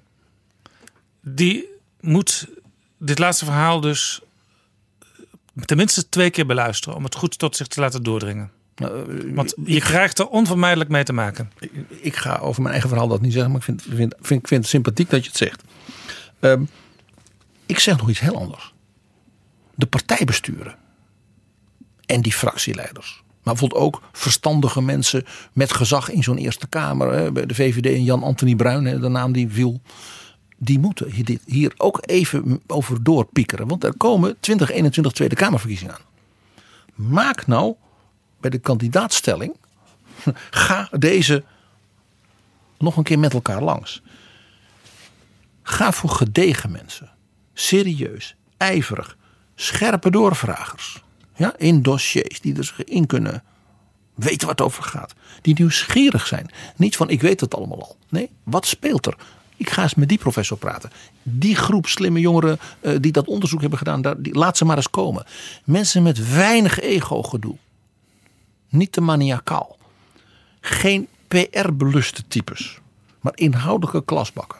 Zet die hoog. Mag ik gewoon eens wat namen noemen? Vendricks. Chris Kees Vendrik, GroenLinks, nu in de Eerste Kamer gekozen. Omtzigten. Ja? De Mariette Hamers. De Henk Nijboers. De Hanke Bruin Slot mensen. Ja? Veteraan. Afghanistan. Stoere vrouw. Ja? Geen, geen PR-gedoe. Geen capsones. de inhoud. Geen capsones. Jasper van Dijk. Uit de SP. SP. Ik, ik ken hem als uitstekende onderwijswoordvoerder. Hij doet defensie. Hij kan dus honderd dossiers Goed om, tegelijk. goed om in deze week ook een SP'er positief een keer te noemen. Zeker. Jasper van Dijk, gedegen, hard voor de zaak. eh goede, echte SP'er.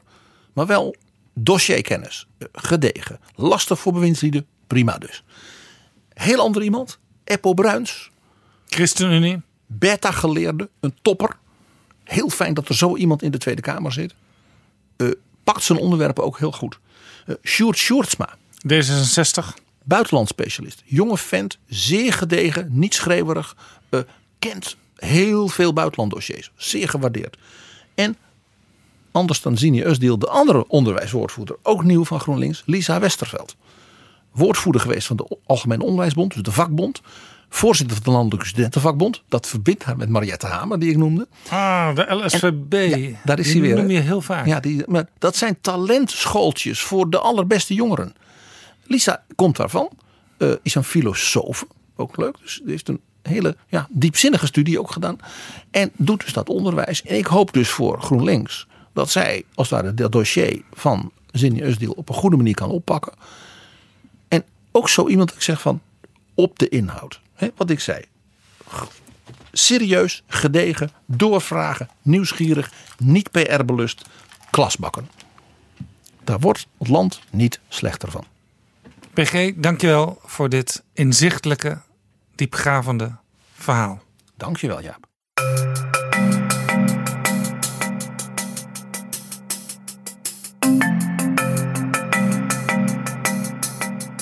Zo, dit was Betrouwbare Bronnen aflevering 39. Nog even en we hebben een top 40.